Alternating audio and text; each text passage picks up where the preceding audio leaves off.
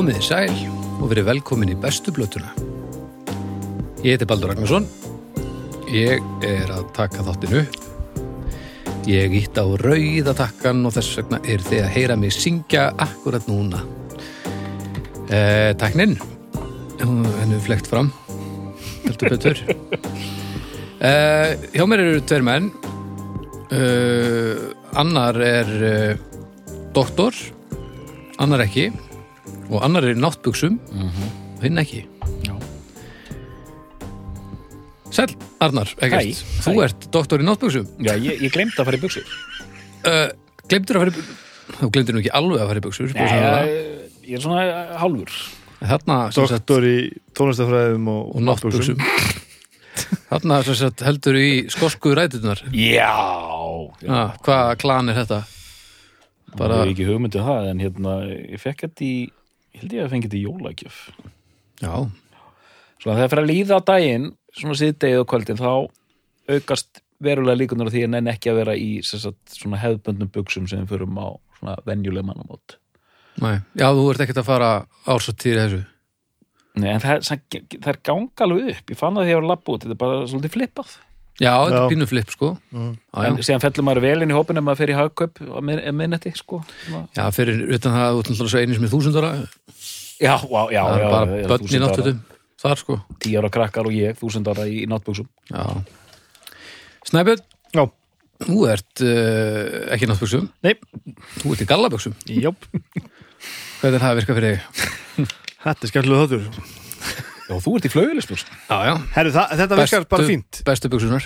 Þetta virkar fínt Er flaugjelsbuxur? Hérna, Það er bestu buxunar Þessar? Það fallegu litur á þeim líka. Já, lang, lang, lang, lang, lang besta fyrir flögili, sko. Ha. Já, ok Flott Uh, þá er það frá. Þá erum við búin að Eh. taka út buxna statusin hér Já, já. Uh, við fögnum því nú bara að við séum allir í buxum. Já. Það er nú bara upphafa góðum hætti. Skulum reyna að hætta þessu áður en við fyrir að mæta á þess að vera í buxum Já, Það væri eitthvað já, já, það er svo leiðilegt að mixa. um, ef við ekki að tala um hérna hljóðkirkjuna. Já, heyrðu. Herðu, doktor, alveg rétt. ef þú mættir svona, tala um einhvern eitt þátt af hinnum þáttunum, hvað myndir þú nú vilja? Já.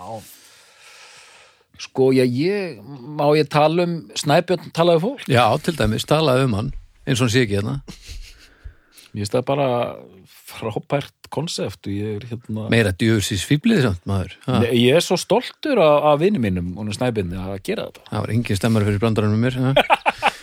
Býttu hver var brandari? Nei, hann bara að tala um hann eins og hann væri ekki Já, já, svona, já, já, ég var að slá að leta, en það, Ég var mjög- full ég- letir. Ég var mjög öll með... Ég, enda ég horfi, ég þór ekki að horfa ég vil ekki láta hann vera vandræðilega. Hefur, ég hef aldrei séð snæpinn vandræðalega nema svona tvisvar. Já, En Og- sko, já, það er, það, þetta er alveg ótrúlegt af því að við erum, heyrðu, doktorinn, maður, við erum að tala um þetta einmitt fræðilega í, í, í, í skólanum. mm. Hvernig sko, það sem ég skil ekki er, og við- ég er að tala um þetta við krakkana sko, og við, erum að setja þetta svona á að hérna, á sama tíma er alltaf verið að tala um það að fólk hafi ekki neina aðtiklisgáfi lengur og geti bara hort á 5 sekundna hérna TikTok myndbönd Já, á sama tíma er það að gera að fólk er að sækja í löng hlaðvörp þannig að hvernig fer þetta saman? Er þetta ekki bara það sem sagan hefur alltaf gert Þetta fer allar öfgarnar í aðra áttina Mm. og tekur svo öfgafullt stökk tilbaka einhvern veginn og svo nærið aftur einhverju jafnvægi fer svo einhverju aðra átt og þá er það alltaf svona að fer eftir miðlunum samt. Ég held að það er enginn að fara að horfa á 5 klukkutíma TikTok, sko. En, síðan nefnir fólk þetta því útvarp og hlaðvarp og þetta að fólk hlustar á hlaðvörp og notar það líka í svona bakgrunni. Já, já, Mér finnst það líka aðtilsvægt, ég get ekki hlustað á ég, get- ég get það ekki, ég, ég meika það ekki. En það eru margir sem finnst líka þægilegt að heyra fólk spjalla saman. Já, já. þegar við heyrt þessa kenningu að hérna, hlaðvörp er hún svo vinsæl sérstaklega í COVID að því þetta slæra á einmannakjönd fólks. Já, Já, þú, þú, þið líður eins og ég sé stattur með þér og viðmælanda já. þið eru í góðum gýr og þá bara, þá er ég svona með Ég man eftir því þegar ég bjó í pínu, pínu, pínu, pínu lítið líbúð á, á hérna, grættisköturi. Þá var ég búin að búa einn í svolítið langa tíma. Og þá fór ég að finna svona stundum á kvöldin bara eitthvað, að helvítum maður eitthvað, einn hérna eitthvað, þá tengdi ég sjónvarp Já. Uh, nei, þá, þá hafa netmáli og horfði á rúf línulega dagskrá sem ég hef ekki gert lengi og þá er það að vita hafa nóg fyrir mig að vita að aðrir að núti var að horfa á sama og ég Já, á sama ok. tíma, þá var það orðið félagslega aðtöfn Ok, bæði það og, og líka hittir einhverja viniðina í sjónvarpinu. Nei. Það var ekki það. Nei, nei. Nei, nei, nei. Nei, nei, það var bara, nei, ég- það Ah. snýðist bara um fólki sem var líka að horfa á þetta þannig að þegar ég gerir svona þetta hún er skemmtilegt Það er vissi ég að flissa þá vissi ég að einhver Gunni henni næsta árs. Hann hann nú eftir að fíla þetta. flissandi núna maður. Ég skil, ég skil. það var áhugavert sko Ég skil allt. Ég heldur séum þarna líka samt, uh, á þeim stað að það er ekkit svo, löng, ekkit svo langt síðan að, að öll afþreying var byggð þannig upp að þú þurftir að klára í einum rikka sem byrjar mm Mhm, þú horfður á bíómynd sem er bara svolítið svona dedication Já.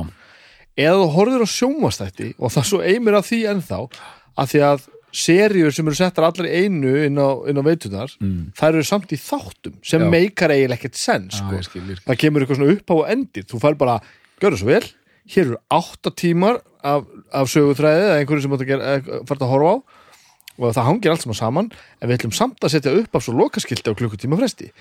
Þú veist, það er eiginlega ekkert í stað fyrir að við myndi bara koma svona jæja, þáttur eitt, þú veist, bara svona kemur bara svona skilti, þú veist, eitthvað já, svona já, já, menn þú, það. veist, þú ert ekki alltaf svona að, að, að þú ert ekki alltaf að byrja upp og nýtt einhvern veginn alveg bara, já, bara, veist, alltaf mjög marga serið fannir að náttúrulega annars verður þetta skip intro dot, sko, já, já, eða líka bara mjög stutt intro, þannig að þarf þetta líka að horfa neitt. Mm. en ég held að málið sé sko að við erum farin að horfa þannig að við getum stoppað henni miðum þætti.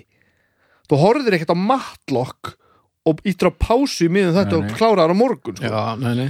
Þannig að ég held að hlaðvörpinn þólið þetta betur vegna þess að Þegar þessi engin- stemning sem við erum í núna ef einhver stoppar þetta núna já, þá er alltaf að halda bara áfram þegar þú fer með strætóðu fyrir að þá bara pikkar þetta upp það sem þetta var. En ég en meina- að þáttur þessi 40 tíma langur þá er það bara fleiri strætóferðir og það er bara alltaf leið sko. En heldur það sé ekki fyrir suma, þú veist, að veit ekki hva, hver er uppáhaldsplata dóttorsins eins og að veit ekki hver morðingin er, skilur Jú, ég er ekki að segja allir þætti séu eins en eins og til dæmis að þú, veist, við erum byrjun að tala um henni viðtölun, viðtölun mín. Já, þú veist, það er ekki einhver það er ekki einhver upphaf miðja og endir Nei, einhver svona, þú veist. Að- Jú, að sjálfsög byggi viðtölun mín þannig upp og náttúrulega eitthvað upphaf og, og veist, ég er alveg með einhver struktúr á því sem ég er að gera Eh, Já, en þú veist, þú upplifir það að þú ekki þú ert að hlusta að þú sért sko í á, á svo suspenseful stað í viðtalinu og þú getur ekki stoppað, þú veist. Ég held að sé rétt einmitt, það það er örglægt að hlusta á bestu plötuna einmitt sem einhvers konar spennu þátt. En ég hef heyrt einmitt þetta fólk bara finnst gott eins og með hérna, viðtölin að dett inn og út og vera bara í atmónu. En þú veist, ég og kona mín, við erum á þeim aldrei núna, við getum sjaldnast klárað heila bíómynd. Ég fíla hvað varst að segja með þetta dedication, að maður, maður er með, við erum á þeirri kynnslóð. já. Uh, Nú þarf ég að byrja að horfa á myndina, hún er 90 mínútur og ég þarf að horfa á hann í einum. Já. og þú meiri sér sko, já og þú metur ástandið áður fyrir að horfa Já, einmitt. Nenni ég að horfa á 25 mynd, settu þetta bara í gang skilur, Já, og séum bara ljós Sér gefist þú alltaf upp og síðan bara daginn eftir. Hvar vorum við aftur? Já, var ekki mínúta 40, jú. já, já. Nákvæmlega, mynda 40 ef maður komst svona Þannig að já, hlustið á snæpi tala við fólk Já, hlusta á mig Það er trikkið Já. og hitt hljóðkirkju setti líka er Farið inn í þetta krakkar. farið inn í þetta Og, einmitt, og heyrðu, Spotify er svo þægilegt. Það, það stoppar bara, þú getur farið aftur inn á sama stað. Já, það er Já. ég nota Spotify ekki í þetta Já, það er bara sama á í öll, svona helstu laðarsöppurum sko Ég nota Pocket Casts Já. af því að, Ég kemst við, þetta er svo góð tækni, sko. Þetta, þetta er þægilegt. en, en sko, nú er ég að vinna við tölvu Wow, Já, sagan er búin Svo skal- Bara, Nú ég að vinna takk við, við tölvu uh, og það sem Pocket Cast gerir fyrir mig sko, að ég stoppa þetta í símanum Mm. sett headphone á mig við tölvuna þegar ég, sest, ég hlusti strætó já. sest svo uh, uh, við tölvuna og opna podcastcast þar og þá byrjar það á samasta þar og ég var með er það líka Spotify? Stilt í, jú, ég held það, jú, jú, er- talar á milli tækja. maður er svo heimdu fyrir eitthvað sko, ef það má ekkert vera sko, bara ef það kemur bara hvað? Ég var að, var að setjast niður og skipta um tæki og ég þarf að býða henni í 8 sekundur, hvað er að gerast? Hvað þarf ég að finna þetta sjálfur? Ég er, Þetta er málið. Æ, þetta er málið. en Þetta er málið. nú skulum við tala um styrtaðalina Já, árum við hefumleika jepsi blöpsi Það er uh, til að byrja með bónus Þú ætlar að tala um bónus Já, bónus Það þarf nú ekki að kynna bónus fyrir uh, landsmönnum Nei, Þetta er bleika svínið á gula bakgrunnum mm -hmm. Tegnarlegt eins og síðustu áratugi. Já, um, Bónus hefur uh, verið að taka þetta COVID sitt ansi alvarlega og það var nú heldur betur tekið skrefið því núna. Já. en núna sem sé á Smáratorgi og í Skeifinu og á Korputorgi er ekki? Jú. Eh, þar er búið að setja upp svona sóttrensi stöður fyrir kerrur og handkorfunar það sem að hérna uh, Útfjólblott ljós sko. Já, útfjólublátt ljós notaði til þess að, að drepa sittið. Drepa Framtíðin er hér. Þannig að veiran, Jú, þetta er töff ef veiran lendir í útfjólublóðu geislunum þá er henni vandræðum. Ég er svo hel teknisjúkur að mér finnst þetta alveg hrikala töff. Þetta er bara apinn sig Hvernig hérna Hvernig hefur COVID áhrif á á svona vestlunar hegðun ykkar Vestunarhegðun, að þú sem að fara vestl í matinn þú veist, já, eru þið alveg ægilega tilbúnir og setja svo bara upp grímuna og bara vaðið inn og klárið þetta eða farið þið bara og snúist um með móð og glerunum og við tekið neitt og svo ég geri. Ég þarf einmitt að taka, ég þarf alltaf að vera glerugna laus og með grímuna og þá, þú veist, það- þetta er ömurlegt sko. Mm. sko ég það fyrir eftir í hvort ég man að taka setni pilluna eða ekki sko. Af því Já, að já, já, þetta þetta er standart hjá mér að ringsnúast en ég bara Með móð og móð, móð, gleraugum. bara móða augunum sko. Bara og leita að kapers bara í hálftíma þó ég sé ekki eins og reyna að kaupa kapers sko. Nei, mér finnst, mér, en mér finnst mjög gaman að fara í bónus. Ég fer alltaf í sjálfsafgræslu dæmið, mér finnst það þægilegt. Já, ég, ég, ég er alltaf með tónlist í erónu þegar ég fer í bónus. Finnst þér það mjög gaman, sagðu það? Já. Já, reyndar, það sem þú segir, þetta með að vera með eirunum það, það gerir búðaferðir eitthvað eh, ótrúlega furðulegar. Ég held, ég held að maður vestli ekki það sama þegar maður er með eirunum ég held að tónlistildum sem maður er með eirunum hafi áhrif á hvað kemur út. Sko, venjulega hefur mér bara alltaf þótt gaman að fara og í mat. Mér finnst það alltaf, það er svona smá mission feelingur ég tengi svo lítið við það. Það er magnað að heyra þetta. Nei ég bara, Mér finnst finnst það, þú veist, ég kem einn bónus bara, þú veist, það, það er þetta er, þú veist, það er upp á endir þetta er mission, Ok. okay. fer inn sko já, bara skemmtilegt spennandi svona, já, er, nú er þetta komið, já. Nú er þetta tilbúið, já, já, já, já. já, og síðan hitti maður kannski einhvern og hérna, blessa, blessa, ég hitti ofta Arnar nafna minn Guðjónsson Já, hérna, já, já, já. blessa, hvað? Já, eru til að mikið um plötuna maður já, flott mix, mix, mixið hann já, ok, já, eru gangið vel hérna. síðan heldur maður áfram og hérna og, og, bara, og, og, og stuð og, en hérna og Og, og, og, já, mér finnst mjög gaman og mér finnst líka gaman að koma heim og ganga frá vörunum, mér finnst það mjög skemmtilegt. Já, sko. Nema þetta ef ég er í þunglindu skapi þá finnst mér það ömulegt, Já. af því að þá er hætt á að ég hitt einhvern sem ég nenni ekki að tala við. Já, ég skil ekki En ég er svolítið búin að svona, mér fannst alltaf að stressaði mig svo mikið að fyrir búðina þegar ég hafði ekki stjórn á huganum. Já, já, og það lagaðist eftir ég byrjaði á lifinum og þá, og það sem hjálpaði mér rosalega mikið líka er að hvað, til dæmis, bónus er konsistant í uppröðunni sko. já, já. ef, ég, ma- ef ég er búin að læra á eina bónus þó ég sé kom inn í aðra og það, þá þarf ég svona stundum að leita pínu en ég er samt lend aldrei í vandræðinum sko. og ég, ég hætti að versla bara í smá stund áður en ég byrjaði á lefjunum að því ég bara gati þetta ekki það var bara allt og Já. upplýsingur sem fóru gegnum hausinn og núna er þetta bara í lagi ég maður því að ég var að vinna í bónu sko það, og við vorum að setja upp nýjar, nýja vestlun voru það sóp út fólki með aðtilspress bara í haugum bara til Nei, ég man að það var að setja upp nýja búðir sko. Þe- Þetta sem þú ert að tala um er, er ekkert eðlileg Þetta er ekkert eðlileg fræði sko. Hvernig er raðað í búð? Bæði sálfræðalegt náttúrulega, þú veist já, eins, svo sjálfsögðu, þurfum að segja hana sko. Já, já. en, en líka til þess að hjálpa, hjálpa kunnanum og þar með búðinni. Að eitt leiðir á öðru og halda þessu konsistensi á milli staða. Þannig að þið líði eins og þú eigir sensi að vita hvað allt er sko. Þetta er nefnilega pínu, þetta er listgrein sko.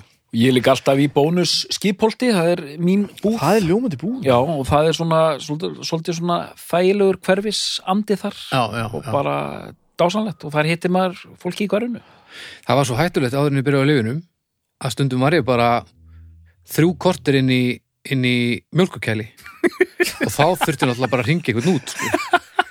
Já, var, var, var farið að slá að þér? Ég meina, já, það- þetta var bara ekki til leið sko. og, og núna blessunlega staldra ég stutt við. Mm.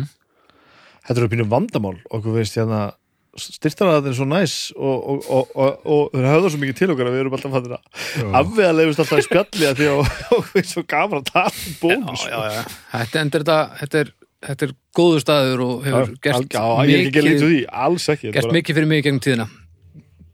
Um, uh, en við viljum bara þakka bónus skella fyrir Já, já, já, já. hjálpina við uh, gerð þessara þáttar. Vel gert bónus. Og við viljum tala um hinn styrtaraðana líka sem er Lucky Records. Lucky, Lucky, Lucky, Lucky, Lucky, Lucky Lucky. Records. Langt síðan ég fór Lucky? Óflátt eitthvað, eitthvað réttur Eða það að þeir sé að styrkja þetta. Já, það er ákveðið hérna, ég sé þannig að það er einhver tenging.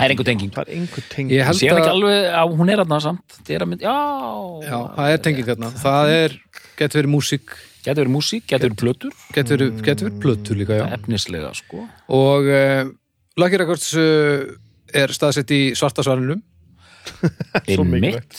uh, Vist að ég var að slókun þeirra og það er rosalega falleg mikið er Lucky Records falleg og góð búð. Dásaleg, eins og við erum rætt hérna, hún er bara frábær. Hún er- Stórkostleg. á heimsmæli hvarða yfir svona, þetta er svona búð sem maður myndi drepa fyrir að finna í útlöndum þegar maður er á einhverju vínil, Já. vínil vappi. Í er bara þannig.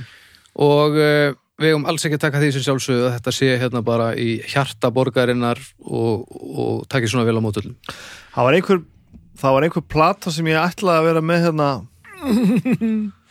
Já, já, já, það var hérna Rans, Ramstein, Sen, Sensút platan, ég átti hann ekki. Ég er búin að ákveða að vera bara með hérna plötsi á og ég er búin að fara nokkrar ferðir í hérna í Lucky og hún var ekki til og ég er svona, já, þetta er nú eðlilegt svona einhvern veginn að vera á Íslandi að svona stundum er hlutin ekki til og svona eitthvað svo fór ég eitthvað að kynna með málið, þá var hún búin að vera out of print í 100 Já. ár sko já, okay.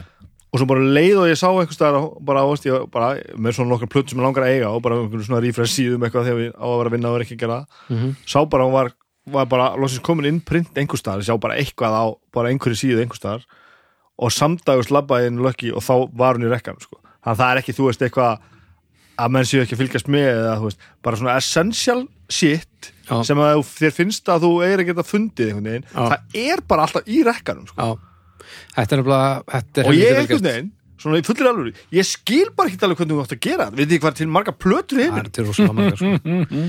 Þetta er bara að fylgjast með og, og þetta er kannski ástæðan fyrir að, að við erum ekki eitthvað svona búð af því að já, já, það væri og- bara til rosalega mikið af My Bloody Valentine og Bad Religion og svo færum við hausinn. að sjálfsögðu, að Þú sjálfsögðu sérðu þetta hvað er, hvað er ég ég man bara því að ég var að vinna í Apis maður fekk snemma bara svona tilfinningu hvað var að malla sko. Já, það var, og það var, það var alltaf að sama sko. Já, já, já, nákvæmlega. Og og svo- sá þetta munstur fljótt sko. Og svo er þetta svona, þú veist, kallar eins og ég svona, svona miðaldra með, með skegg. Kallar eins og ég, eftir Snæbjörn Ragnarsson og ég er svona náttúrulega, ég er búin að koma náttúrulega Agnes er náttúrulega, sko, hlustar örugglega meira á plötur heima heldur en ég, sko. Já, já.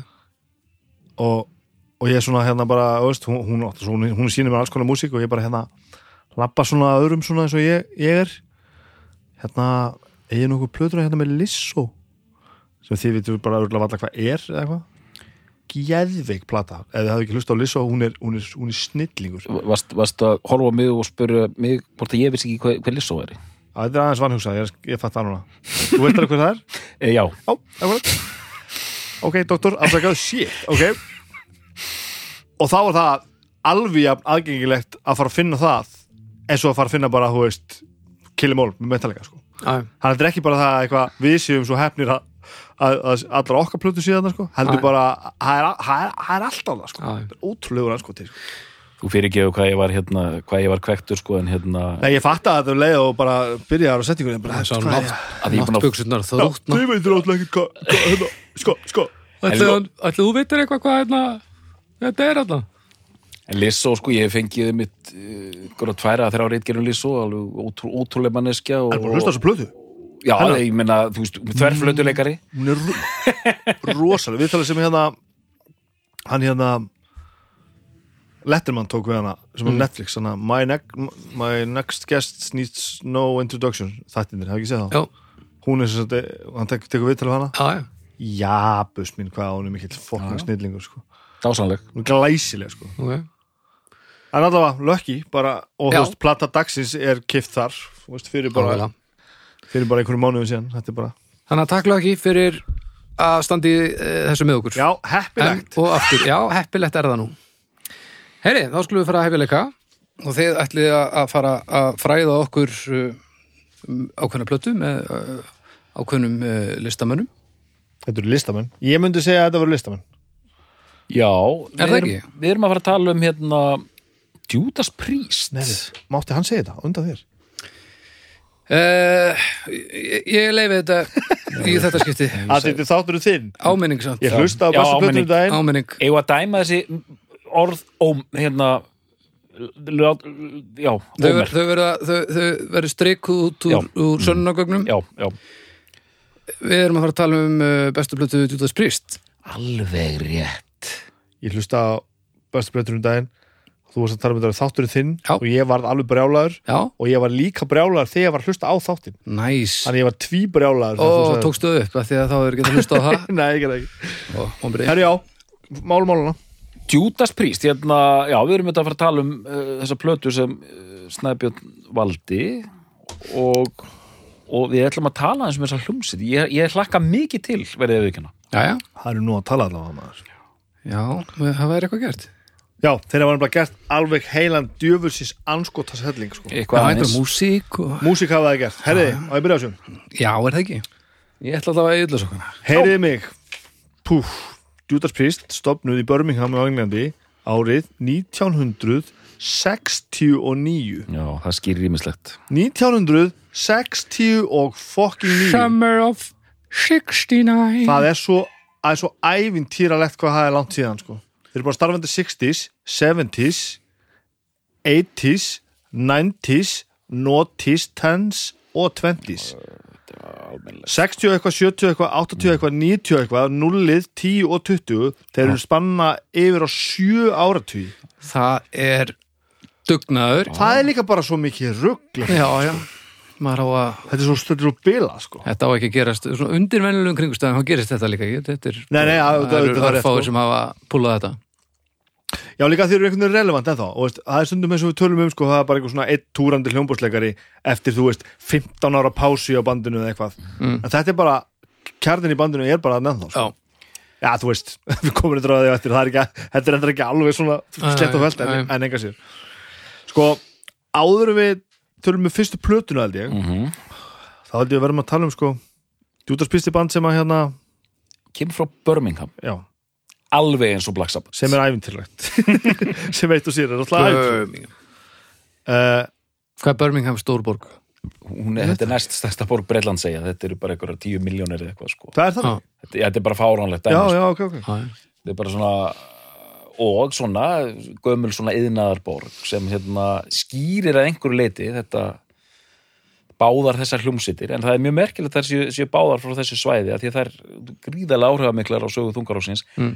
Á ólíkan hátt þó Já. en við komum að því betur núna eftir. Já, ég náttúrulega er svo komin fram að að- að tefla fram plötu hérna sem heitir British Steel sem er nú svolítið yðnaðar tenging Brittist, breska stálið. Um, Sko, og það er bara einmitt, sko, bara þetta nafn bara þetta nafn á plötunni gerir hana bara að hún á eiginlega að vinna Já, og líka bara coverið, ég meina annarkvort er þessum einstaklingi þarna drullu sama eða hann er með ægilegt sigg það, þessi, þetta er rakfælablað þetta Já. var svona prómo fyrir plötuna líka það voru svona, á, tónleik, tónleikum voru alltaf fólk með svona, svona stór rakfælablöð á loftu Aha, Það stór, ha, þú kemist ekki inn á tónleika í dag með En rakkaröfluð en þetta er samt sem búin að segja, sko, ba bara nafnið gefur Já. það til kynna að þessi plata er bara að vinna titil besta plata í heiminum. Og við getum hægt með þessa seríu og farið heim. Takk fyrir, Rétti stíl, takkið þetta maður. Það er gott. Uh, Band sem að gefur út fyrstu plötu sína hvað, fimm árum eftir hún stopnuð eða eitthvað og það er engin upprunalegu meðlumur í bandinu. Ég, ég man eftir Napalm Death sem dæmi um, um svipað. En, og miklu fleiri dæmi til. Þetta er mjög fyndin staðreind sko. Engin, Nei, engin Það sem gerist var, þeir stopnuðu bandið en þeir eru mjög fljótir inn og það getur verið sér hana. En sko Ian Hill er held ég fyrstur inn, bassalegari og svo eru þeir þannig að Keki Downing og, og Glenn Tipton koma hana fljótlega uh, það sem heldur bandinu saman þú veist, ég heldur heiti alltaf Judas Priest. Það er hann orginal söngar sem hann eitthvað heitir. Hann er alveg til 1970 og eitthvað sko. mm. og, og sko Ragnar Bragason eða þú ert að hlusta ég- hann er mest í Judas Priest aðdáðan sem ég þekki þá sendur okkur bara e-mail eða hefur eitthvað það það hann er mjög mikil Judas Priest aðdáðandi og senda okkur bara e-mail og, hérna, og, og, og þú leirir þetta bara þannig. Um, sko, mm. Sámaður hættir. Og söngvar er nafni Rob Halford sem er fættur í Volsál held ég alveg örgulega sem er held ég mjög norðarlega á Englandi. Já, sem er algjör svona yðnar bara svona Þriðja bara svona- stærsta borgin er ekki? Alls ekki. Nei. sem er bara eitthvað svona, svona bara einhver yðnaðar skápur eitthvað stað, sko. það er, það er hann, hann sem sagt kom út úr skápnum, einmitt. Hei, þetta er alltaf að fæða Well played! Holy moly. Ég man eftir að hafa séð viðtal við, við gamla sem hann tala um sko að hann hérna hann, hann, hann á einhver svona sterka minningu af því að skólaborðið hans var alltaf að hristast að það var svo mikið af vesmiðum í kringum hann. Alveg rétt. Þetta var svona algjört rugl sko En gaman. Nei, bara, bara reykur og, og, og skjálti og háaði og, og bara, bara by, og ljóta byggingar um allt. Það bara ást breyla þess tíma alltaf þessi margir sem tala um þetta. Ég manna Lemmi tala, segir svipaða sögur og eitthvað svona sko. mm. Lemmi er nú aðeins eldri vantala Allá hann er komin til Birmingham, ekki hugmyndum af hverju og þeir tala um það á þessum bletti sem þeir eru að spila þarna saman, séu svona einhver nokkur bönd senan sem eru í að búa til eitthvað svona hard rock, séu mjög capable að það eru fáir meðlimi sem er að bítast um böndurinn að bítast um meðlimi sko. Mm. og þessi söngur hann er príst hættir sem ég man ekki hvað heitir. Ég sé viðtal við hann og hann er glæsilegur. Upp. Uh, hættir halffordir í bandi sem heitir Hiroshima Hiroshima. Hiroshima. Og hann er og honum er, honum er stólið yfir í, yfir í Judas Priest. Jesus og hann tekur held ég trommara með sér út í bandi. Og það er fyrsta læn uppið að það er Judas Priest sem gefur út plötu og það er 1970 og Fjögur. fjögur. Og Fæði- Al Atkins. Al Atkins, já, getur verið. Ég, já. Fæð, Fæðingar árið mitt 1974 þá kemur þessi fyrsta plata Judas Priest út. Rockarola. Já. og umslæðið svona eitthvað svona Coca-Cola grín. Já, þetta er svona og hérna svona þegar ég var að undirbúa mig fyrir þáttinn hérna rendi ég nú í gegnum allar þessar plötur og allar átján. allar átján og það er sko plata sem er einmitt svona blues rock plata. Og ég hérna mér fannst þægilegt að hlusta á hana. Mér fannst hún vinaleg. Það er orðið sem ég vil nota yfir þetta. Hún skráð sem hard rock, blues rock, psychedelic rock. Bara ekki svona tegum þetta hana? Nei, nei, næstu ég held líka að sjálfur rétt. Næstu allavega tvær byrju allavega næstu tvær eru heavy metal. Og nú fyrir við þriðju. Heavy metal. Og þetta er plata, þetta er bara svona trukkandi, grúandi bluesrock, minni pínulítið á status quo. Eh, og bara fínasta stöf, Já, það var- svolítið generic en hérna, Já, svolítið mikið generic já, nú er mikið generic hérna, og þú veist, það er ekki hægt að giska á það að þessi hljónst sé að fara að gera okkur stórkostlega hluti. En maður heyrir sko að þú veist, þeir eru búin að spila sér vel saman. Þetta er bara þétt og gott og ég allan, ég, ég fannst ekki leiðilegt að hlusta á plötuna, komið þetta alveg óvart sko. Sko bandið er náttúrulega bara starfandi þannig einhver, einhver, þú veist, fimm ár þá eitthvað, Hvað er látt síðan að þessir uh, líkil menn koma inn í það bandi er, það er mjög snemma, sko, það er bara á fyrstu mánuðunum, sko. Já, já, ok, Þannig að þetta, þetta bandið búið að að spila saman þá, þá þeir þrýr allavega, gítarleikari og bassalegari komið nýr söngur og nýr trommar þá geraði plötu, sko. Já, já. Uh, uh, Það sem búið að segja, sko, sándu þessar plötu, þetta er svona þetta mál, þetta er generist en, en á sínu tíma hefur þetta verið svolítið nýtt, sko og stefnan sem er taka upp úr þessu og þeir eru með tvo gítar að spila einhverju trukki Já, já, já. sem svona gerir þetta aðeins, aggressífara heldur en eins og status quo þó þetta sé kannski ekki aggressíft sko. nei, nei, nei, nei, nei, nei. En, en sko ég man ekki hvort þetta er mín kenning að ég heyrði þetta einhvers annan staðar, örgulega ég heyrði þetta einhvers staðar og er að stela þessu, að Priest hafi verið fyrsta bandið sem spilaði þungarokk mm. sem var ekki blanda með sækadilju Einmitt. Þetta er hérna mjög mikilvægt að þetta komi fram. Góð greining hjá snæbinni að hérna, að þetta er alveg rétt sko, ég meina Black Sabbath uh, Paranoid, munið svona hérna Planet Caravan og þetta. Þetta hérna, einmitt þetta sækadeliðu dæmi þar sem Judas Priest gera og sérstaklega þetta byrjar á Sad Wings of Destiny sem er eitt flottasta hérna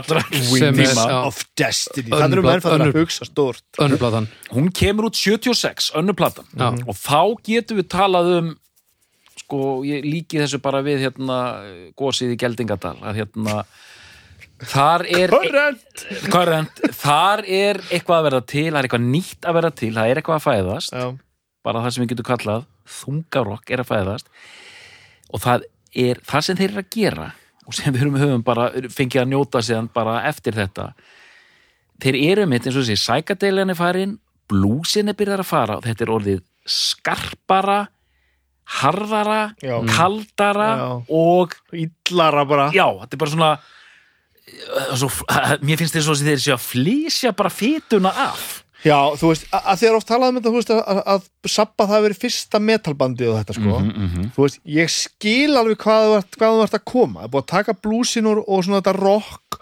og svona einhvern veginn svona hálf einfalda þetta Já. og fara að gera meira út á Stór hættulegt Já, gera meira út á áhrif og attitút heldur en kannski bara músíkina sjálfa en í mínum huga er Black Sabbath ekki þungarokk eða þú veist, í mínum huga e- e- tilfinningin segir mér að það sé ekki þungarokk en það er strax þarna frekast nefna hjá Príst það sem ég fer að be- get bent á hluti sem eru bara, þetta er bara þungarokk þetta er bara straight forward heavy metal heavy metal sko já. eh, ég, nú náttúrulega er við skilgjörnum versus tilfinningum og eitthvað en ég veit, þú veist, þetta er, þetta er ekki relevant sem ég er að segja. En Og ég heyri hlustundur bara þeir er að sleikja umslögin utan að bregða sprengjunum já, já, ég áttum á því. það væri hægt að taka þessar tvær sveitir og segja Judas Priest, heavy metal. Black Sabbath, heavy metal with a hint of blues Já, sennilega. Og ég meina auðvitað í, í, í raun og veru er þetta þá bara næsta skref einhvern veginn, sko. En þessi sækadelja hippismin, já, heipismin, já. hann er ekki hjá príst aðeins í byrjun og reyndar já, aðeins í byrjun, með þess að plötan á breytti stíl með þess að heyrum að pínu sækadelja Já, já, en sko eins og bæ, sko, Sadwings og Destiny 76 og síðan hérna, Sadwings of Destiny Sadwings og Destiny Sadwings og Destiny við verðum að segja þetta nafn eins oft og við getum. Þetta er svo flott. Sadwings of Destiny. Sadwings og Destiny 76 og Sinn eftir Sinn 77 og bara umslögin líka á þessum plötum. Jú, ég meina, blúsin hverfur ekki en það er svona, það er verið að minkan og minkan sækatelegin er þetta, þú veist eins og annað lagið á hérna Sinn eftir Sinn, hérna Diamonds and Rust. Það er mjög mikið svona 70s Hawkwind, hérna Diamonds Desert. Rock, sko. Já, og bara á gaman að því en þú veist, á, á sinn eftir sinn þar er lagið hérna Dissident Aggressor sem Slayer, coveruðu svo, já, já, Já, og það lag 77, Dissident Aggressor það er mjög brútal Já. mjög brútal lag mm. þannig að þetta er bara gerast á þessum plötum sko. Og þeir, og, þeir eru, þú veist það sem við tengjum við hérna uh, Maiden, sko þetta, þetta dual wielding guitars þeir eru mm, mm, já, nota já. tvo gítara sem að spila svona til japs ekki bara einn að spila rithma og hinn að spila svo, solo eða eitthvað. Heldur svona riffa saman og svona tveir að spila sama rithman Já. og svona. Príst bara eiginlega bara byrjuðu með það. Þeir eru bara þeir sem, að, sem að tóku þetta bara og gerðu þetta að einhverju þengi og fóru svo alltaf, alltaf lengra og lengra með þetta. Fóru að ratta veist, riffin og svona og, og, en þarna er svolítið byrjað og meitin tekur það svo setna bara og flýgu með það bara til helvíti sko. og bara, ég meina svo sinn eftir sinn. Fyrsta lagið sinn er, ógeðslega flott og ég heyrði strax hérna til dæmis áhrifin sem þetta band hafði á svolítið margar hljósitir, meðlans Iron Maiden. Mm mikil áhrif á Merciful Fate hérna, Já, já. bandið hans King Diamond. Maður heyri bara, ég var bara að heyra þetta í fyrsta skipti, bara, vá, þetta er bara eins og já. hérna þetta er bara svo riffin á, á Merciful Fate plötunum. Og hérna og líka en e, á þessum plötum, sérstaklega hérna sinn eftir sinn og hérna og, og, og Sadwings og Destiny, það er mikið að balluðum líka það er alveg það sko. Sadwings of Destiny já, Sadwings og Destiny Já, Sadwings, já, Sadwings of en Destiny hérna 78 hérna á Stained Class Mhm. þar er, hún er eiginlega bara það er, er enga balluður, það er bara þungar Já. en hérna, já, í sögulegu var- samingi þurfum við að me- megum ekki hlaupa fram úr okkur Nei. Það er, það er staðrinda þarna þegar þetta er komið sögur, ég man ekki hvernig þetta er en, en, en sko fyrstu plötunar, allavega fyrstu tvær fyrstu þrjár, ég veit ekki Mhm. það er floppa sko, já, já, já, í Breitlandi Mhm, mhm, ég man ekki hvernig, þú veist, þeir eru lengi, lengi, lengi bara fucking ströggla Mhm. veist, og, og bara að því að gefast upp og ég var bara dánur hungri, sko, þetta var bara allt í einhverju, einhverju voli, Sabbat eru bara Og ég- á fljúandi ferð. Það voru bara þeir voru bara að reyna að vinna við þetta og það gekk ekki og þeir bara, þeir átti ekki fyrir mat, sko. Og eitthvað gerist sem ég man, ég veit ekki í neinum atriðum. Komum við komum við komum við inn á þessar játningar sko. Að þeir slái í gegn í, í bandarækjum ég man ekki hvernig sko. Ég, og ég held, ég sé ekki að fara með rangt mál að þeir voru orðið svolítið mikið vinsalir í bandarækjum áður en þeir breykuðu það svo heima fyrir sko. Það má vel vera. Það komum við að því sem að ég þarf að segja hérna. Að hérna ég ég fatt að Judas Priest mjög sent ég veit ekki allt um Judas Priest. Nei. ég hérna ég er maður sem hlusta á mikið á Slayer, mikið á Maiden mikið af þessu dóti Motorhead, ACDC allan þann tíma, allt er þetta dóti einhvern veginn. Judas Priest fór bara undir radarinn hjá- ekkert undir radarinn, ég vissi alveg að þessu þetta var alltaf þarna og ég meina mér bara mér betra fólk bara átti að sjá því hvað það var mikið snild. Ég bara skildi þetta ekki, fyrir bara fyrir bara mjög stuttu síðan sko. bara örfáðum árum sko. Ég þarf, ég þarf líka að ganga upp að þessu altari og hérna játningaborðu og segja Ha? ég hef aldrei haft áhuga á Judas Priest Ha? aldrei haft áhuga á Af hverju ekki? aldrei haft áhuga á bandinu eða músíkin eða sko veist svo merkilegt sko hérna þetta er bara band sko ég veit, ég veit alltaf vita af því um, ég veit gerir mér fullkomlega grein fyrir mikilvægi hljónsættarinnar uh, ég veit jafnvel að þetta er eitthvað sem ég ætti að fíla rosalega vel Já, en já. ég hef aldrei tengt En, en ertu samt búin að kynna þeirra rosalega vel eða hvað? nei, og þess vegna er ég svo kátur Af Það hverju ekki söguna samt? Af, árum byrjum að þessu það? nei, nei þess vegna er ég svo glaður að af, vera hverju kom- ger, af hverju ekki? Ég skil það ekki alveg. Já, það er bara einhvern megin þú veist, alltaf vita af bandinu og þú veist, jú, jú, sögulegt mikilvæg eitthvað svona, en bara, þetta er bara eitthvað band sem hefur aldrei þetta band á sér ekki neitt pláss í hjartan En, um, nei, en er, samt sko er mikilvægi bands Ha? í stóra samminginu á það ekki að vera nóg fyrir fræðumann til þess að- að það sig? Það sig. það er ásakandi. Hvernig er það? og, þú, og þú veist, veist, og, hvenar fellum maður á dóttursprófinu? Já, ég meina það bara, veist, og það er auðvitað þetta óutskýranlega með músík, sko, og ég hef meiri segja gert nokkrar svona tilraunir og maður bara svona, já, já, ég skil, já, þetta er svona flott, já, ok, næsti og hef maður Já, já. og, og sko og, og, og svo ég klára þetta hérna og mér finnst það svo merkilegt þess vegna er ég svo hoppandi kátur að vera komin hérna í kvöld Mhm. að þegar loksins fekk ég tækifæri til að skoða þetta Hálf neittur til að skoða Það sem var nú svolítið líka bara pointið með, með þessum þætti Það var svona að maður skildi fara og skoða það sem maður ekki þekkti sko. Og ég hugsaði bara, ok, frábært og svona, tók svona smá deep dive í þetta og mér fannst mjög skemmtilegt sérstaklega að skoða þetta sem við erum nýbúin að ræða. Satwings of Destiny. Satings og Destiny? Satwings of Destiny. Uh, og hérna sinn eftir sinn og þetta að því að loksins tilneittur í að gæsa labba var ég svona ok.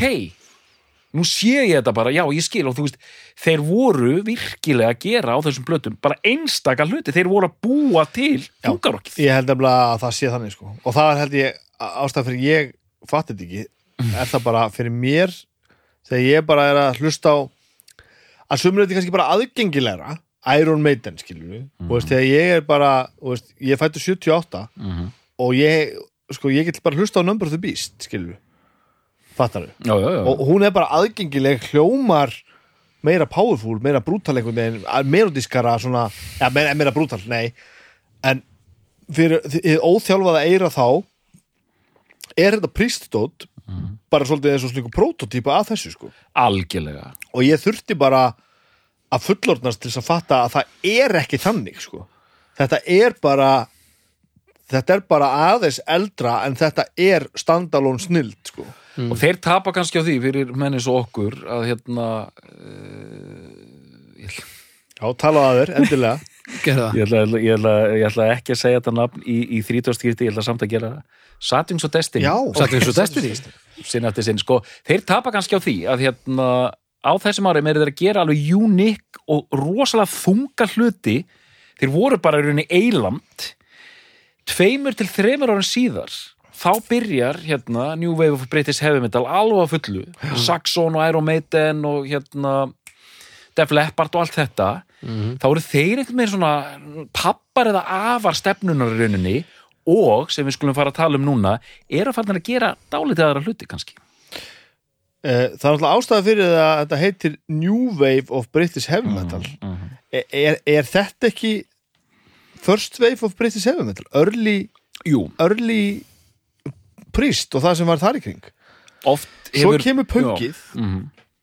Og, og það er ekki gaman að út að spista með að pöngið gengur yfir það var ekki að hjálpa þeim neitt sko. nei, nei. og svo kemur Wave eða þannig ef ég ætla að skilja þetta Sko, stundum hefur einmitt Judas Priest verið slengt inn í hérna, að þeir séu New Wave og British Heavy Metal en fólk hefur bara hafnað því að því þeir voru þeir voru að leggja blúprintið að því sko. Me- með náttúrulega Sabbath vandalega og eða er kannski- Eriks þar á milli? Já, það, það, kannski það er málið, það fellur einhvern veginn alltaf á milli. Þetta, þetta fellur í rauninni bara algjörlega á milli, þeir eru aðeins og eftir sabbat, en þeir eru byrjaðir, þeir eru algjörir hvað heitir þetta? Þeir vart svona þeir eru sagt eh, þú veist þetta afsakisletna, foreigners, þeir eru svona Bröðtriðindur þeir eru brautriðendur þannig að þeir eru þeir eru þannig sem er svona afastatus þegar, þú veist New Wave of British hefum þetta springur loft upp 80-81 þá eru, voru prístbúnur að gera glæsilega hluti 77-78 þannig að þeir það er ekki hægt að slotta þeim þar beintin þetta er eins og að tala um hérna þú veist, ef við tölum um gröntsi þetta er eins og að reyna að setja inn einhver hljómsættir sem svona náðu kannski að voru kannski búna með sitt einhvern minn áður en það springur út. Já, já, já, þannig að það bara virkar ekki upp en eh, virkar ekki. En, en og þessi, sko, ef, ef við höldum okkur ég er svo mikið kronológíu maður, við tölum mm. þess að plötur eins og hérna Stained Glass 78 og hérna, mí, hérna hvað heitir hún? Hérna Killing Machine. Killing Machine 79 mm sem eru tvær plötur á undan hérna British Steel. Sérstaklega sko Stained Glass er eiginlega bara hreint þungarokk. Já, er hún er engar- mjög svona state forward þungar Já, það er búið að henda út þessum blóma balluðum sem voru á hérna, plötunum tveimur á undan. Blómaballu það voru svona ballur, hún Já, er bara, það er öll lögin á, á, á steindglas eru bara þungarokk. Já. síðan svona byrjar aðeins að mikið sig hérna á, á, á hérna Killing Machine en síðan, erum nú, tekur þú gólfið. Við erum náttúrulega ekki að gleyma því að Killing Machine heitir náttúrulega Hellbent for Leather. Öðrum meginn við allans hafið að því að, að, bandarækjumun, var ekki bandarækjumun sem líkaði ekki jú, Columbia, CBS bandarækjunum held ég. Líkaði ekki hérna bara að vera í að einhverju, einhverju bara svona murderous rampage, bara Killing Machine. Bara, platan getur ekki heitið þetta. Það var ekki þessin í dag Þetta er bara lag sem heitir Killing Machine þannig að það tók bara annar lag sem heitir Hellbent for Leather sem er náttúrulega geðvikt Þarna kemur þetta og þú veist, eins og þú er búin að lýsa þetta kemur svona og það kemur einhver svona bara aðdraðandi, einhver stökkpallur svona hérna í áttina þessu öllu saman. Og það sem gerist þetta 1980 það er bandið náttúrulega orðið uh, uh, ansirent established sko. Já, nákvæmlega. Uh, og þeir gera þessa plötu hér. Sko, established banda meðan sko meitin er að gefa út sína fyrstu plötu. Þá er Já. þetta orðni bara svona, já, Rétt, Established. já. Og, og meit er náttúrulega bara eru náttúrulega bara að hlusta á Judas Priest á motherfucking miljón Það er talað um að þessi plata sé platan þar sem að blues áhrifin eru dyrtsuð þessi hérna, Já, það er nefnilega það sem gerist er blú, sko. bluesing hverfur, þeir missa held ég alla tengingu við sem við myndum kalla einhvern veginn Black Sabbath rock sko. Mhm. uh, en hún er samt að mörgu leiti bara aðgengilegri sko. já þannig er þetta poppið komið inn. þannig er nefnilega poppið er komið inn pöngið er að ganga yfir og þetta er svo skrýtin tími sko. og, og þú veist ef að fara yfir þess að blötu þess já, gerum það, ok, en eitt sem við þurfum að byrja á því að, setjum þetta í samhengi eitt sem við þurfum að byrja á því að, að, að, að ræða ég er hérna með endurútgáfu mm. sem kipti lökkir rekords Mhm. þessi er gefin út 2017 mm. copyright um, þessi plata hérna byrjar á lagi sem heitir Breaking the Law. Breaking the law, breaking the law. Orginal platan byrjaði ekki á Breaking the Law. Ó, ég held að hafi verið bandarækjamarkaðurinn sem að breytti því uppalega Hún er gefin út 80 þannig í bandaríkunum með Breaking the Law eh, sem fyrsta Fyrst, lagi já, ok, það er, ég held að orginal það er ég man ekki alveg ná ok, þannig kemur þetta aftur, ég bara, ég er ekki það, það er ég held að fyrsta útgáfuna plötunum sé þannig að Rapid Fire er fyrsta lag og Metal Gods er lag nummer 2 Breaking the Law er lag nummer 3 já, og sömu útgáfunni er fyrsta lagi sérst, lag nummer 7 fyrsta lagi á björlið er You Don't Have to Be Old to Be Wise Mm. og Living After Midnight er lagið eftir því Já. svo var var sem sagt hitturunum, Breaking the Law og Living After Mid- Midnight.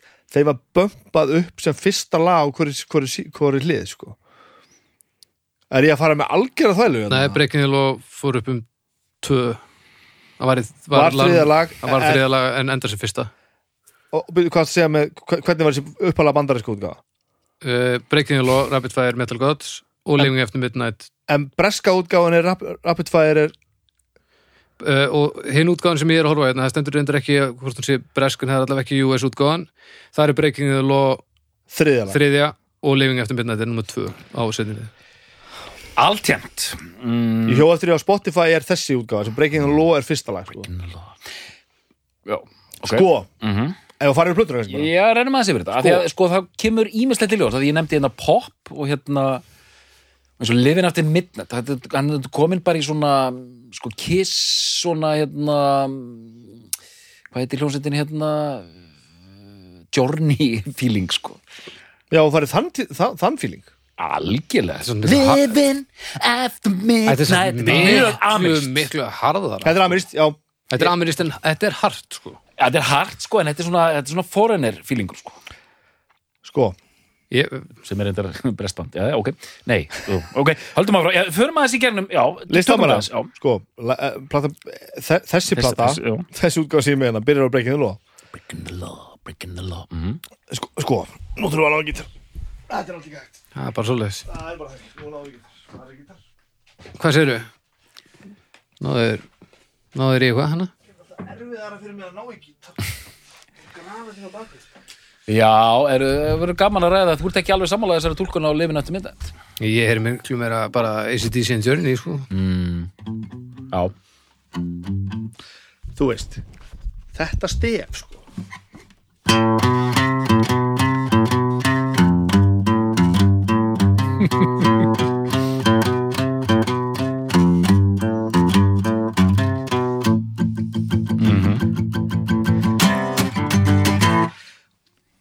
veist, þetta er bara svona einhver hot ég hugsa að allir á Íslandi hafi heyrst þetta lag.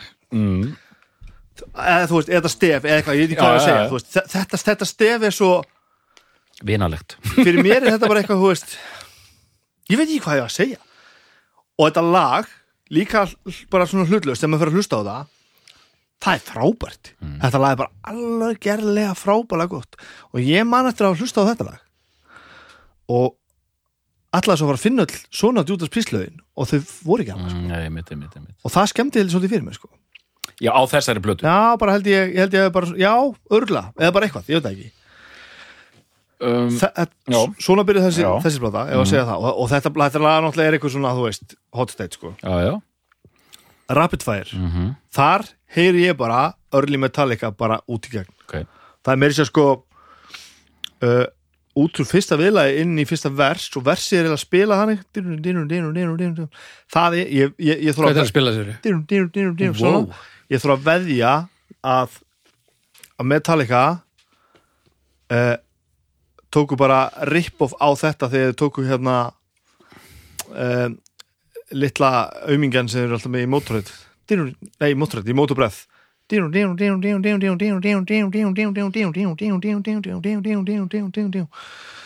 hlustið bara á það hlustið á Rapid Fire, hlustið svo á mótorhætt ég er að segja ykkur að þetta ég á bara að hlusta á hvað þetta var stórkustlegt sem þú varst að gera það er ennig stóðum undir að segja er það að Metallica hafa oft spilað þetta live og ef ég helsi ekki fara með náttmála halvfórtið og sungið þetta með þeim sko og, og það er mjög augljóst að Metallica voru að hlusta á þetta. Ég, veist, það, það er bara þannig held ég.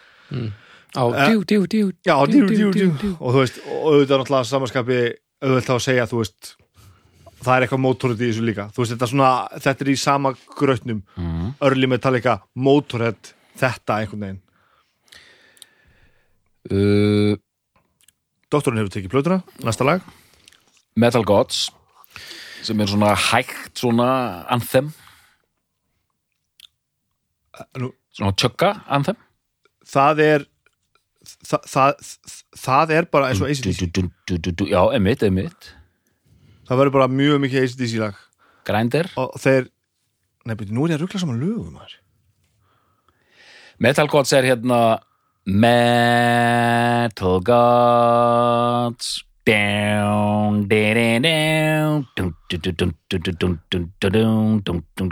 Svona tjökkalag Já, þetta er bara svo meitin, já Mm -hmm. Já, þarna farið svona örli meitinfíling og það er grændir sem er meira svona eins og, hérna, eins og ACDC það, það er svona verður svona hérna, bassatróma á, á, á hérna, öllum slögum hús þetta hérna ah. þetta reyðistepparinn þetta hérna, meistarlegt og, og þarna, þú veist, ég veit ekki hva- hvaðan áhrifin koma. Þe- þeir, það er svo starf, þeir eru nýkomna túr með ACDC þeir gera þessa plötu hérna. Og þeir hafa sagt það sjálfur bara að það er slatti af hérna af áhrifum hana sko. Sem kemur United sem er svona Þarna er bara fyrir við að tala um það að þessi plata er ekki straight forward sko. Nei, það- United er náttúrulega þeir eru að semja uh, We Will Rock You hérna Judas Priest er, Ertu með þá kenningu? Já, ég minna að maður heyri það bara United, United, United la, la, la, la, la. Þetta er bara Og þetta byrjar frekar straight forward bara svona, já, já, svo bara, veist Versið er bara svona, frekar straight, sko Mm. Ég mér finnst þetta alveg hræðilegt lag sko. Þess vegna alltaf þegar ég var að reyna að komast inn í þessa plötu á sínum tíma, þá hugsaði ég djúvel er þetta leiðileg plata United, United, United. Það gekk aldrei. Nei, Ég hugsaði bara, býtu, akkur alltaf verið að tala United we never shall fall. Ég hugsaði, býtu, akkur alltaf verið að tala um þessa plötu? Þetta er Og mér leiðileg finnst þetta svo frábært lag. Mér finnst þetta algerlega frábært lag. Þetta kemur á ótrúlega skýttu tímaplötunni kemur ógeðslega mikið óvart og, og, og ég einhvern veginn bara alltaf þetta og, og, það er svona sem ég mun aldrei að þetta er svona. Lægið er bara byrjað og svo kemur viðlagið svona það er ekki svona mjög hefðbundi farið inn í einhvern veginn. En finnst þetta svona frábærlega kjánalegt? Nei, mér finnst þetta bara ríkala skemmtilegt. Ég bara, þetta er alveg bara ég, þetta næri mér alveg allaleg sko.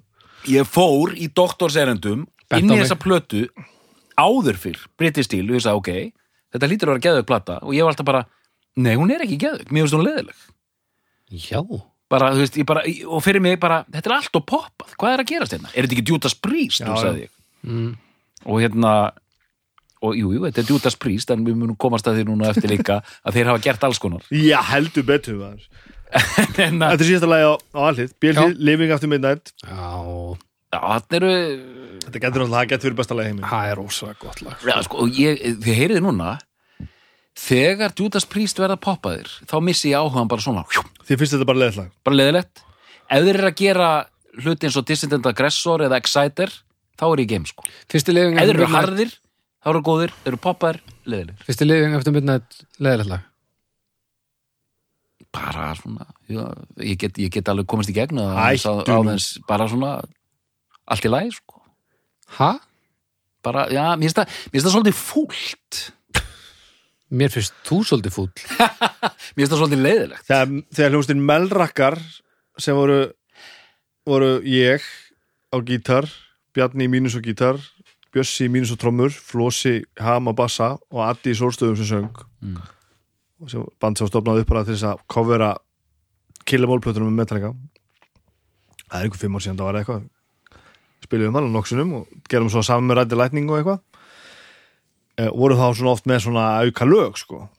Og Addi stakk upp á því við tækjum Living After Midnight. Og ég svona bara, já, vissilega hvað lag og er bara svona eina af þessum hugmyndir sem kom upp og ég bara, ok. Já, þú veist, sem hann að gert það. Pyrra mikið neitt en það var þá sem ég fattaði hvað Judas Priest er mikið snildar band sko. okay. ekki að því að þú veist þetta var svo þungt heldur ég byrjaði að spila þetta og hugsaði bara djúvis ægilegu nesti er í þessu maður. Og þá fór ég svona að kafa eitthvað aðeins meira í þetta og fara að hlusta meira á, á Priest. Og þá fattaði ég snildin hjá Judas Priest liggur oftar en ekki bara í lagasmíðunum mm. þetta er svo, þetta er svo góð lög og svo Living After Midnight er alveg það er alveg lúmsk lagasmíð þó að það sé frekar straight forward sko. Það er mjög streitt fórhald sem er snildin en, Þetta er eins og eh, kassadansin frábær en hann er streitt fórhald sko. en þetta lifin átti minna sko lagið þegar ég heyri það mér finnst það leiðilegt sko en mér finnst það svolítið hallarslegt það er hallarslegt, það er enginn að tala um sem ekki hallarslegt Það er bara fínt sko. það, það, það, það gerir ekkert fyrir mig sko United Hvað hva vittlis er þetta? Ha, þetta, er bara, þetta er bara ekki rétt Það getur bara ekki verið ég, ég gæti á þetta rátt fyrir mér Já, þú hefur það Ég er hættur um það sko Svo kemur nummer 7 You don't have to be old to be wise sem er ógeðslega fyndin setting Mhm. Þar erum við með bara mikið ACDC alla leið sko. Mhm. Eh, Þannig er, svo kemur The Rage eftir það mm. Það er það er svona eini augljósi sækardilju no. hérna e, já, það er svona e, e, eina eina augljósi skiptið sem er, er sækardilja en hún er svona emitt og þetta er svona mjög fjölbreytt plata og ég veit ekki eins og hvort þetta var einhver svona meðvituð leið eða tilröðin þeirra til að verða mér finnst þetta að vera svona sko, mér finnst þess að sé að reyna að vera kvín í mörgum lögum, sérstaklega í United sko sem er bara svona leikvanga hérna fótboltatjant sko Já, ég meina það stemmir náttúrulega að- að- að- Rob, Halford er náttúrulega gríðalegu kvíðin að þetta hóndi, sko. Og hann, hann bara segir að Freddie Mercury sé bara náttúrulega, þeir, þeir tengjast náttúrulega augljóslega á hann er nú talað mikið um sko samkynniðina þar sko og, og, hérna, Halford. Blótaði mikið er aldrei ná að hittast einmitt. Já. En þetta, þessari plötu er mjög oft stilt fram með mitt sem bestu plötu Judas Priest og ég, ég það? Það. næði eitt lag eftir, sko. Klárum við það, það er meiri sér eiginlega tvö Steeler Já, sem er svona metal bara svona þungaraslega bara. Mm. svolítið svona new wave lag. Svo er lag sem er ekki á þessar útgáfi hérna sem ég veit ekki alveg á hvað útgáfum var en ég hlusta einhvern veginn alltaf á það með og ég held þetta hafi uppalega verið á einhverju breyski útgáfinni það er þarna, hvað heitir það? Red, Red, White, Red- Red, White and Blue. Red, White and Blue, já. Það er tekið upp 85 það tekið upp 85 Turbo Sessions eitthvað. það er tekið upp með turboplötunni. Já. og það kemur, kemur sem bónustrakk á uh, 2001 útgáðunni Já, Þú vil það skrítin ákvörun að gera það? Sorry, Hefur þú heyrt það lag? ekki svo munið Það er bara svona ættjarðasöngur Jaha, og eiginlega, eiginlega ekki trommað. Þetta Já, er bara svona Þetta gamla góða England við söknum þín þegar við förum að utan og síðan komum við heim. þetta er ekki alveg svona, þetta er meira þrungið þetta er ekki svona, hérna, einhver leprechaun með, með bjór, þetta er, þetta er bara svona já, þetta er bara svona ættarasöngur bara hvað er sakni heimalandsins. Það er, Tún, bara túnið og og það er óskiljanlegt að þetta hafi verið sett inn eftir og það passar náttúrulega enga veginn á plötuna. En ég er gríðalegu sökkar fyrir þessu. Ég, og ég er að komast að því betur og betur eftir því sem ég hlusta á, á Priest og tala meira um það að það er þessi, þetta kvörkines sem að ég fíla stundum sko. þannig að ef við myndum taka ykkur tvo og sjóðu ykkur niður og hræra svolítið vel þá erum við komið með einstakling sem þetta allt myndi út að sprýst skemmtilegt. Það er sannlega rétt. Já, það sem já. gerist þarna er það að bandið breykar til helvítis. Já, já, uh, þarna er sko uh, einhver sagði að með því að gera breykið með ló vinsalt í bandarækjunum þá gáfu þeir ákveðinu kynnslóð bandaræska krakka uh, kostin á því að vera working class, social class. Mm. að sem sagt, þú veist uh, uh, þau, þau gáðu þeim bara rödd sko. Já, að bara svona streytast þess að móti til er einhverju. Já.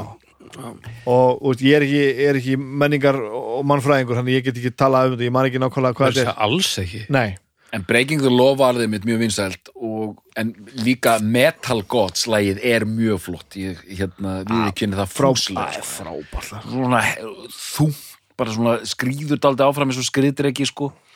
Og hérna töfflag sko. Uh, brjótandi lög Þarna er, er Kolumbíu á eftir um að gera plötu. Og það sem gerist núna er svo skutið að næsta plata sem heitir Point of Entry. Hún er drastl Nei, alls ekki hérna ég hérna, Þið verðið svo lítið samála í þessu ég, hérna, þætti. ég, hérna, ég hlustaði nefnilega á hana í, í fyrsta skipti í rauninni sko er að þess á, ég, ég, ég auðvitað mér leiðilega frekar illa yfir því að vera að koma hérna í þennan þátt. Og, bara svona, nei, nei, nei, nei, nei, nei vera ekkert að fíla þessa plötu. Mér finnst einmitt point of entry, mér finnst hún rúla mjög flott sko. Það er áhugavert. Head, head, heading, heading out the highway byrjar og síðan já. bara svona koma bara fullt af einhverju lögum sem ég bara svona, já, já, þetta er flott Já, já, já, þetta er, er lótt Þetta er lótt Og, þú veist, ok, já, en hún er rössuð Hún er rössuð, Þetta er ár, ári setna og þú veist, það er ekkert ári sem ég man eftir að tengi við maður. Og hún þykir, svo ég hérna hendi, hendið í línu að hérna þykir svona fölari útgáfa af þessari sko. Sem er rétt. Það er, það er, það já, einmitt. Og ástæða fyrir að setja verið áhugavert að því að þeir gera þessa hérna sem er tímanust fokking meistarverk breytti stíl, svo kemur þessi plata hana sem er svona, já, já, ok. Og svo kemur næst best- besta plata með Judas Priest. Einmitt, það er einmitt plata sem ég var lítið að tengja við. Þú ert að þú, nú, nú hlýtur að vera að grínast. Langflottasta cover samt. það er ekki eðlilega svalt. Já. Uh, þetta er uh, platan Screaming for Vengeance. Já, við þurfum að segja hvað hann heitir líka, hún heitir Screaming for Vengeance. Screaming for Vengeance. Og það er stál, Ægilegur- örn. stálörn, Ægilegur örn. Ógeðslega flott umslag. Screaming for Vengeance. Já. þessi plata, henn er oft stilt fram og sérstaklega svona hörðum prístumönnum sem besta plata Judas Mhm. Já, Priest hún er næst best, ég skil alveg fólk sem segir hún sé best En hún er næst best það er ein plata sem ég hef áður farið inn í og hugsað bara ok, þetta hlýtur að vera geðveik plata, það er allir að tala um það. Ekkert að gerast, ekkert að gerast bara, bara ljósinslögt síðan auðvitað fór ég í gegnum hana fyrir þessa hérna fyrir þennan þátt og ég bara svona, já, ok finnst það fínt. Jú, jú, allt í lagi. En ég er ennþá hrifnari af því sem var að gerast á sinn eftir sinn og hérna og hérna steind klass Áhugavert. Þessi, þessi hráara og aðeins harðara. Mér finnst bara Screaming of Vengeance þetta er aðeins svo mikil popgljáði fyrir mig. Ég er náttúrulega pop-hóra í, í eðlinu sko. og, þú veist, ég er til í popgljáðan hjá einhverjum öðrum hljónsettum bara príst er ekki að tala við mig hann á Screaming of Vengeance Við spilum með en mér finnst Screaming of Vengeance betri heldur en hérna uh, British Steel Já, ok. og mér finnst margar plötur betri British Steel ég ætla ekki að vera brálaður yfir þú veist fyrir skrýmið the Vengeance betur heldur betur stíla því að það er upp og grab sko, ég skil það. Í mínum huga er bara ekki hægt að setja fram plötu sem á að vera betri en einhver önnur ef að platan inni heldur Breaking the Law og Living After Midnight. Þó að, þessi, þó að veri bara þessi tvö lög og ekkert annað bitastætt þá getur þú tekið allar hinnar og törróðið eh, við setjum saman bandu þannig um Eirík Hauksson. Og spilum með honum á Eistnaflugi fyrir pff, veit ég, átta árum eða eitthvað. Já, hljómsveit. Já, Ok. og setjum band utan um Eirík Hauksson. Ég bara vissi hvert það var að við sérst upp í stað var eh, skálmöld, flósi, eitthvað, ég man ekki hvernig það var. Ég spilaði alltaf á gítar manni og hann tók svona sín lög og, og, og uppáðslögin sín og við bara svona lærum við að spila um með honum. Og það var einmitt Electric Eye sko. Já, já. Það er búin að taka eftir í dóttur hvað þættin eru fyrir að snúast mikið um neymdroppa Bibba. Það var hvað, Æ, ég var bara með hérna, Bibba á raunnu og svo hérna, slaka maður sér aðeins hérna yfir í allir, allir í mínus bara og já, ég kannski tók hann kannski Eiki hendur hann Rob Halford inn í eiki hérna. Og hérna ég man að mér fannst það ekki frábært sko. Þá, já, lægið já, að spila það sko. Jú, að spila með honum, mjög, mjög frábært. Já.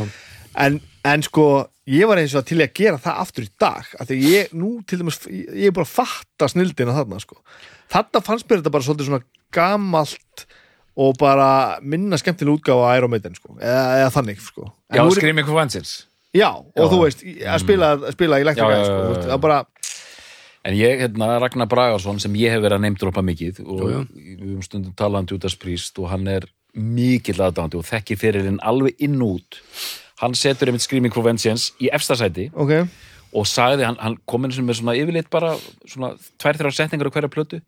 Þar sem hann sagði sko á, á þeirri plötu fullkomnaðir svona, hann skrifaði þetta á ensku svona, þú veist the heavy metal assault bara perfected hann vil meina að þetta sé bara þeirra toppurinn.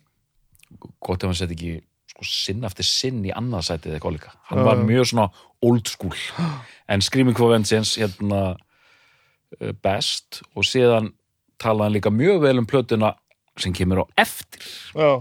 Hérna Defenders of the Faith. Defenders of the Faith. Já. sem ég rendi líka og bara, já, já, allt í lagi. En því, heyri, ég, ég fer aldrei af stað það er bara, já, þetta er fínt. Já, ég er pínuðar líka sko. ég viðurkenni alveg. Um, Þetta er bandið á fullu er búin að skipta um trommar er ekki, ég held að þetta sé fyrsta platan sem að er þetta ekki fyrsta platan sem Dave Holland trommar? Hérna breytti stíl, ég held það örgulega þá breytti, þá breytti úst, soundi breytti stans með honum líka sko. Uh, þeir spila og spila og spila og spila og spila uh, ógeðslega fræðir að spila leikfanga já. þeir eru bara að spila fyrir 10-15 manns bara standard alveg sko. Bara, og það er allt á brennandi miljón ég veit ekki, viltu taka allar þessar plötur eða? já, förum, já, endilega, förum aðeins í gegnum þetta bara Eh, getum við farið bara örstutt í gegnum þetta allt saman, það sem er eftir Turbo kom Já. hana. Defenders of the Faith er Já. 84 Mhm. Turbo er uh, 86 hún þykir temmilega misamnuð já, þeir líka á skrítnum stað þetta er allt einhvern veginn ójöfn, sko já, og svo, svo skrítin plata sko. við getum held ég alveg talið príst live með sko. Já, já, þarna gildaplatan ég man þegar ég var ungur maður að því hún kemur út 87 ég vissi ekkert, ég var 13 ára ég vissi ekkert hvað Júdasvist var. Ég man alltaf eftir umslæginu á hérna Priest Live hérna 87 Já, og bara Judas Priest, mér fannst þetta eitthvað hérna hættulegt sko. já, já, þetta og umslægið er svolítið cool það er, svona, það er eitthvað svona óköld við það sko. Já, já, það eru hendur á lofti og, og, og logo það og, er eitthvað svona gald, galdra stemning í Já, já, gangi. ég svolítið, átti þessa plötu lengi vel Unleashed in the East. Já, ég með hann líka hérna. Já, By- byrjar á Exciter, mjög flott sko. síðan kemur hann að Ram It Down eða ekki Ramit Ánjú, 88 það þykir nú lágpunkturinn eða, eða hún þykir léleg. Já, á, þe- á þessu rönni allavega. Er Ram It Down síðan Síðan síðan. kemur Painkiller. Painkiller sko. Það er alltaf frábárplata sko það bara ég, það lag Já, við Já, ég spiluðum- sé hvert þetta stefnir sko. það, það, sko, það lag, við spiluðum þetta lag alltaf í rándirinu, þungarásklubnum mínum. Mhm. er sko til rosalega svona við erum komnir aftur í gýrin lag? Ég held bara ekki sko. Það er svakalegt sko. Er þetta ekki lag er bara fáránlegt sko. Ógeðslega flott lag sko. Hann er að byrja að tróma hann hérna núverandi tribill, hann hérna hvað heitir þú, elsku vinnu minn? Vá, hvað er eh, Scott Travis. Scott Travis Já, já. Þarna. og þarna ná þeir að gera plötu saman Rob Halford og Scott Travis. Það er millitíðinni sko, Turbo, að því hún tala um hana sko. Það er tímabilið það sem Halford fer í meðferð. Hann er alveg orðin grillað sko. alveg bara dópaður og drukkin og allt í steik og, og hérna einhverju ægilega stormasamur sambandi. Óbeldi og brjálaði sko. og hann fer í meðferð og hefur ekki drukkið að dopa síðan. Og þetta endaði allt einhverjum hörmungum þessi þessi, þessi hérna sambilingur fram til svo sjálfsmóð og ægilega sorgasögur bakvið þetta sko en þarna segist hann bara að koma tilbaka sko, eignast bara nýtt líf sko svo sem að sér einmitt á plöturum eftir turbo. Það er svona stígandi í þeim sko sem endar hann á painkiller. En þarna það er sérst fræg saga er ég að taka algjörlega halda. það er fræg saga náttúrulega veist, ég ætla bara að skjóta þenn hann gátt hérna, bók í fyrra, Confess já, ég hef ekki lesið þessa bók ég er svona á leiðin að fara að Já, lesa hana gera, og hún hefur fengið alveg frábæra dóma þá þurfum við líka að fara að tala um að maðurinn er náttúrulega Já. augljóslega framúrskarandi séni Já, sko. bara einhver perla sko. Já. og hérna þessi bók bara, það er allir að tala um það ég bara, er að heyra það bara úr ímsum áttum það sé bara æðislega bók sko. ég var að lesa þessa bók en já, þú varst að að segja að sko, það er í kringum þetta bandarækjamál, ég man ekki hvort það er í kringum bara byrtu stíla eitthvað þetta er, mm. það sem að fera að vörka þetta leður já, lúk sitt sko. Mm -hmm, mm. og náttúrulega við erum bara í, í homabúðunar og hérna, BDSM búðunar og, og, og, og kemur klættur í le, leður og gata og með derhún og allt saman sko. Svipuna og eitthvað hvað, sko. Bara allar leið. Fyrir að vörka þetta meira og meira og meira og þetta náttúrulega fer, verður bara og áttum okkur því var ekki en verður stór partur af þessu sem við köllum ímynd tungarósins í dag. Já, já, hann bara býr það til. En hann er bara hommi inn í skápnum sko. ekki bara, ekkert bara. En það er það sem að rauninni hann vörkar sko. Það er það, er það sem hann er að nota til þess að búa þetta til. Ég deildi mitt hérna fyndi sko að ég deildi, hann er svo flottur ég deildi hérna í aðdæðanda þáttarins á, á vegnum mínum myndbandi af honum 78 í Japan að syngja stuttkliftur í júdógalla að syngja Exciter já, já, já, einmitt mæti bara í hvítum júdógalla og bara stuttkliftur bara Exciter og bara einmitt, Þa, það, það er stöf að skoða á, fyrir, fyrir sko, stílisingun og leðri sko, þá eru þeir hinir oft svolítið mikið töff sko. Já, já, en já. hann er bara í joggingana sko. Mm. það er ótrúlega vindu alltaf, alltaf einhvern veginn vissin með hári á sér einhvern veginn, einhvern veginn svona aðmissað og með síta aftan og allt einhvern veginn svona undarlegt glæsilegur sko og alltaf náttúrulega frábær En ég vildi nefna einmitt með Painkiller platan, kemur hann 90 og lægið er þetta rosalegt en platan er alls konar en flott stöf. Já, mér finnst hún platan góð, mér finnst hún helvíti góð sko. og þá kemur hann eða ekki þannig kemur sagan sem ég ætlaði líka að Já. tala um. Þetta er raunin síðasta platan í bili. og áðurinn fyrir þá sögu, þá þarf ég að klára eitt hérna líka. Að tala um hérna eh, sem ég ætla að minnst fattaði ekki fyrir en ég fór að hlusta svolítið grúndi þá þetta. Alltaf að tala um hvað að vera góðu söngvari. Svona, já, ég meina, þetta er alltaf auðvitað gott. Mér finnst þetta oft bara svolítið mikill bara rembingur sko. en svo fer maður að hlusta á þetta þá bara djöfull er hann góður söngvari. Rembingur með að að hann færi of hátt upp. Ég veit ekki alveg hvað þetta er. Ég bara einhvern veginn fór að miss við eitthvað. Að því svo fyrir maður að hlusta á, á, á sko öll lögin, plötlögin líka, ekki bara singlan á þetta dót. Og þetta er ekkit bara eitthvað eitthvað garg, hann er líka bara að syngja á læra rekisteri og, og svo þetta sem árinu hafa fæst yfir núna á komið svolítið bara svona bara pungur í hann, bara, veist, hann er bara svona að svona no, nota nota það meira sko en frábær söngur, ég meina hann var að syngja fullt af balluðum hann í, Já. í, Já, já. fyrst sko. já, sem að ég kannski var bara ekkit búin að heyra sko. Já, og gerir það frábærlega en það er mjög fræg, fræg setning sem ég sögði það með þegar hann fór í meðferð þá, þegar, fram að því var hann álitin besti þungarasöngarinn mm. náttúrulega voru við með Dio og Bruce Dickinson þannig en einhver tók svona til orða 86 eða ekki Turbo Jú, Jú, að, og svo kom hann út og það var enn betri og þeir segja sko rönnið frá 86-90 hafa verið algjörlega unstoppable. Sem á tónleikum var bara gjörsamlega fáranlega góður. Já. og bandi var bara fáranlega gott. Og það var alltaf þúsund prósent effort í öllu sem ég gerði, það var alltaf miljón Mm. fyrir mörgum sögum síðan ætla ég að fara að koma mér á staðin sem ég ætlaði að vera komin á. Þetta er að vera farin að, farin, já þetta er þannig. Farin að mörka þetta leðustöf sitt og það allt saman og þeir náttúrulega búa til þetta ímyndbandsins og, og veistu, allir komin náttúrulega í, í þessa stemningu. Og hann færi náttúrulega að gera þetta stórkostlega stönd sitt að koma alltaf inn á Harley Davidson Já, já. inn á sviðið eins og maður nú bara gerir. Já, jú, jú. Maður fyrir ekki að labba þetta. Og það er sem sagt saga þarna í kringum 90 að það er ægilegu reykur og hann klúrar eitthvað einkomin á hjólinu og straujar beint á svona hálf hálfpall, svona hálfrisin svona trommupall Ah. og fær hann bara í nefið æ. steinrótast, bombast aftur fyrir sig og það er svo mikil reykur og hérna þurrís á sviðinu og þeir sjá hann ekki, enda með stíga á hann sko, hann fór eitthvað af sviðinu í nokkra mínútur kemur fram með plástur og nefn og klára ekki ekki eins og snillingur sem hann er möll nefnbrotin og bara sjúkrabíll og, og hérna og eitthvað og hann segir sér satt sjálfur og nú kemur segway yfir það sem þú varst að fara að tala um. Að í sjúkrabílum áttan að segja á því bara nú verði ég að fara að gera eitthvað, pró- prófa eitthvað nýtt sko. Já, yrkil, yrkil, yrkil það bara svona, fannst hann bara nú er ég komin út, út á einhvern enda. Og hann sagði að það var ekki það að ég var eitthvað stórkostlega óanaður ég verð bara að fara að sjá hvað, hvað er meira þarna úti sem Þannig að Halford stígu til hliðar mm og það koma út tvær plötur þar sem sko söngvari úr Judas Priest töku hérna ábröðubandi hérna heiðrunar bandi hérna hvað er hann? Tom Ripper?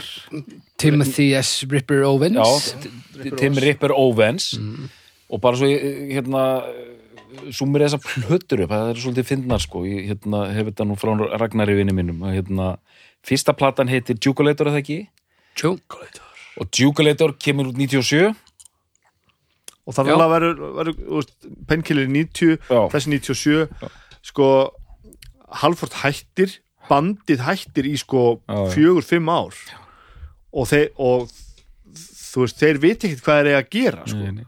og þetta það fer að stað einhver hérna, ég held að það hafi verið hann hérna shit hvað þetta er trómjökarinn djútarspist, okkur get ekki munað þetta hvað heitir hann?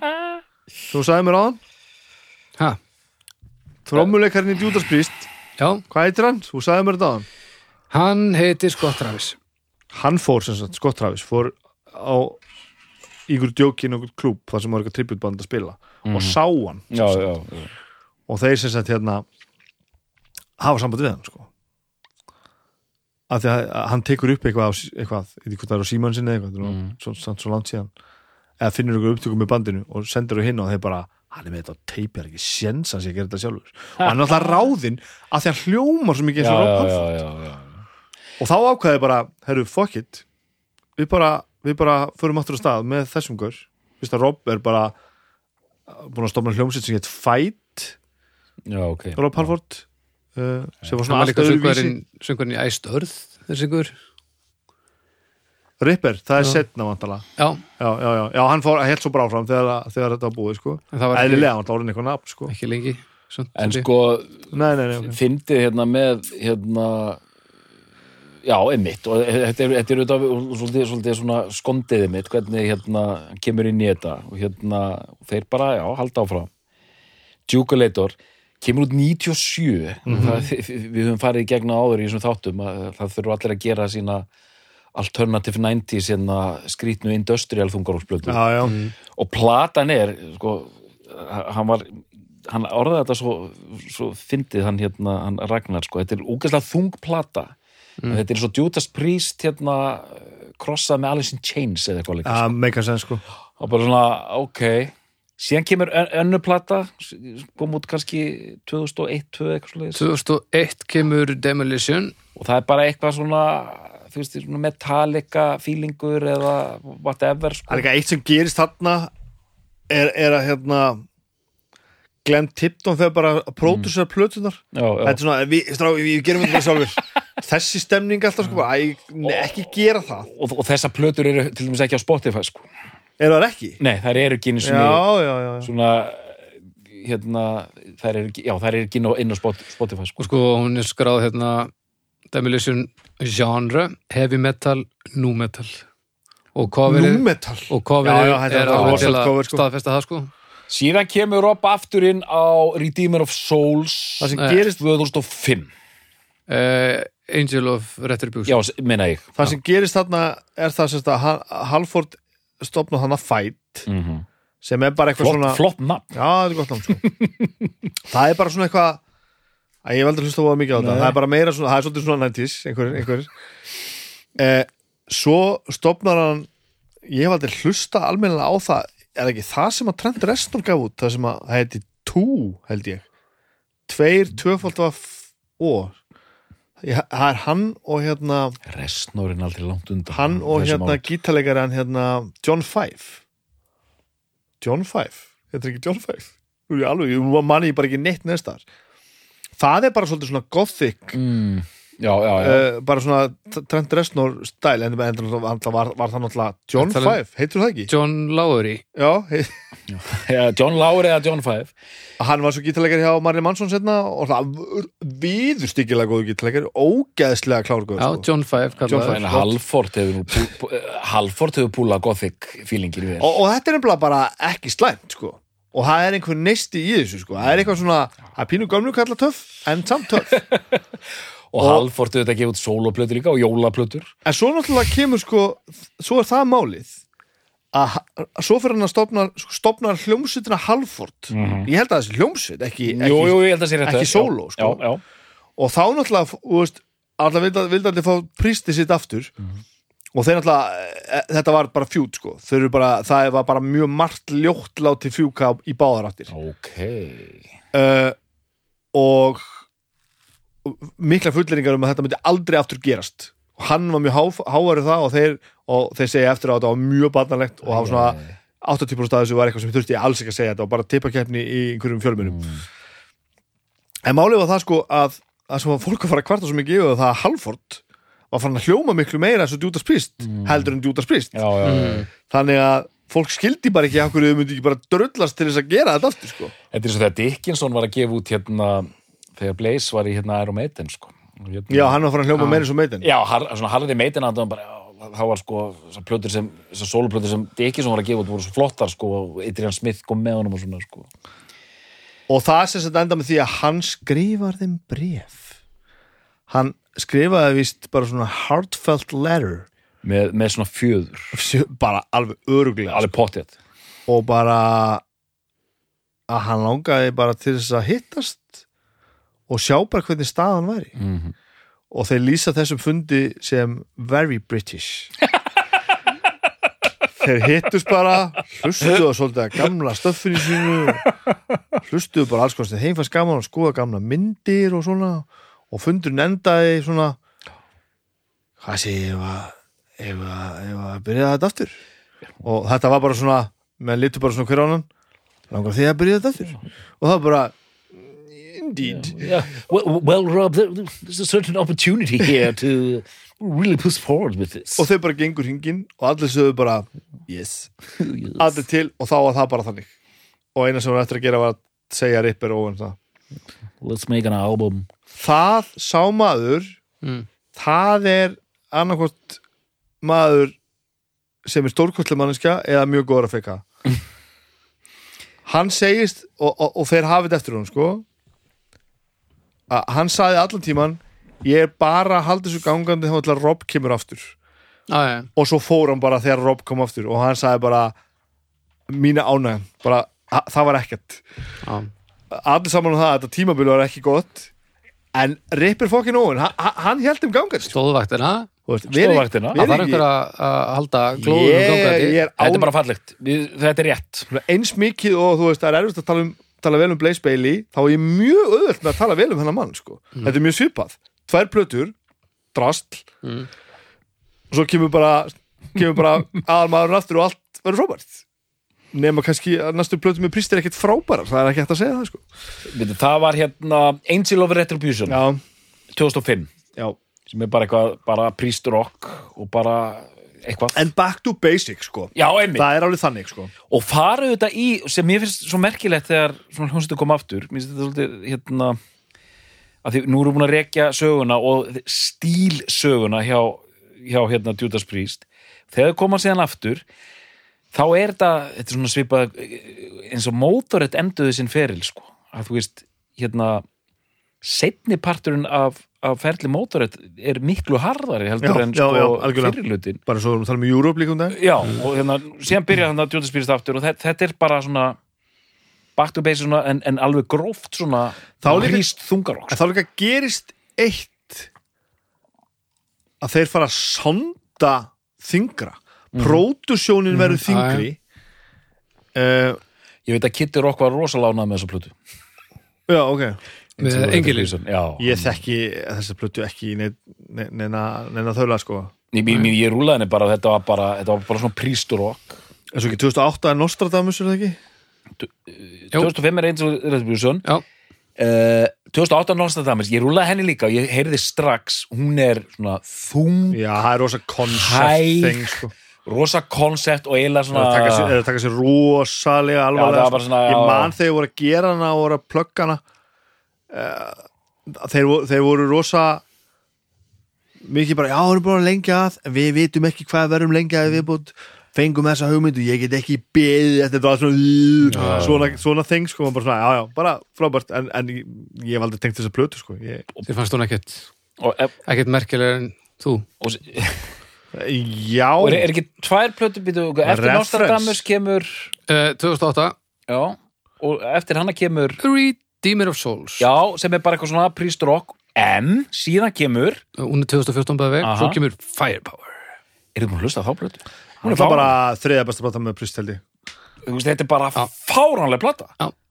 rosalega góð lög ég er búin að, að analysa þetta málaðin sko. þetta er svo skrítið að þetta hafi gest sko. sko, laun eru frábær það sem gerist náttúrulega sko á milli blum blum blum Nostradamus og hérna Redeemer of Souls er að Keiki Downing náttúrulega hættir í bandinu sko. ekki góðu, það fór bara allt í einhver, einhver steik og flestir sammála náttúrulega um það að það hefði hérna, þetta er 2011 held ég það sem að, það sem að hann hættir sko flestir sammáluð að að sko bandi var á bara á svolítið hræðri niðurlega einhvern veginn, E- ekki að vera honum að kenna þetta var bara, bensinni var einhvern veginn svolítið búið sko.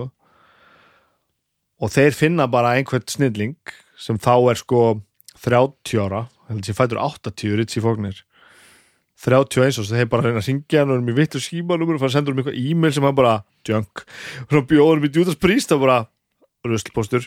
Svo finna það rétt símanum og ringja hann og hann bara hættu þessu, hættu að, að stríða mér og þeir sérst enda með að ráða Ritchie Faulkner í bandið Fyrsti, hann fæddur er 1. náttúrulega stórkostlegu maður sko. Fættur 1. janúar 1980 hann er náttúrulega hann er stórkostlegur, við sáum 1. janúar 1980 já, hann er fyrsti gott. maðurinn 1980 við sáum Priest spila á Vakken Já, hvað er árið?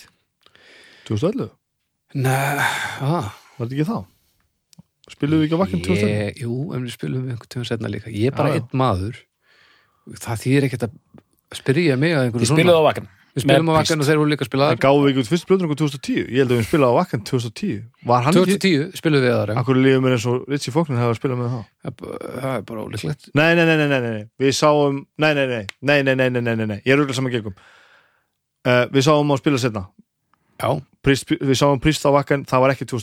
alla, og af 2000 um og eitthvað. Á 2000 og eitthvað. Góð sagðið mér. Ertu sagfræðingur eða? og þá, þá var sem sagt Ritzi Fóknir að spila. Eitthvað ég sá Já, ég sá að það var prins ég sá prins spila með KK og sá svo prins spila með Ritzi Fóknir mm. og mununum var allur.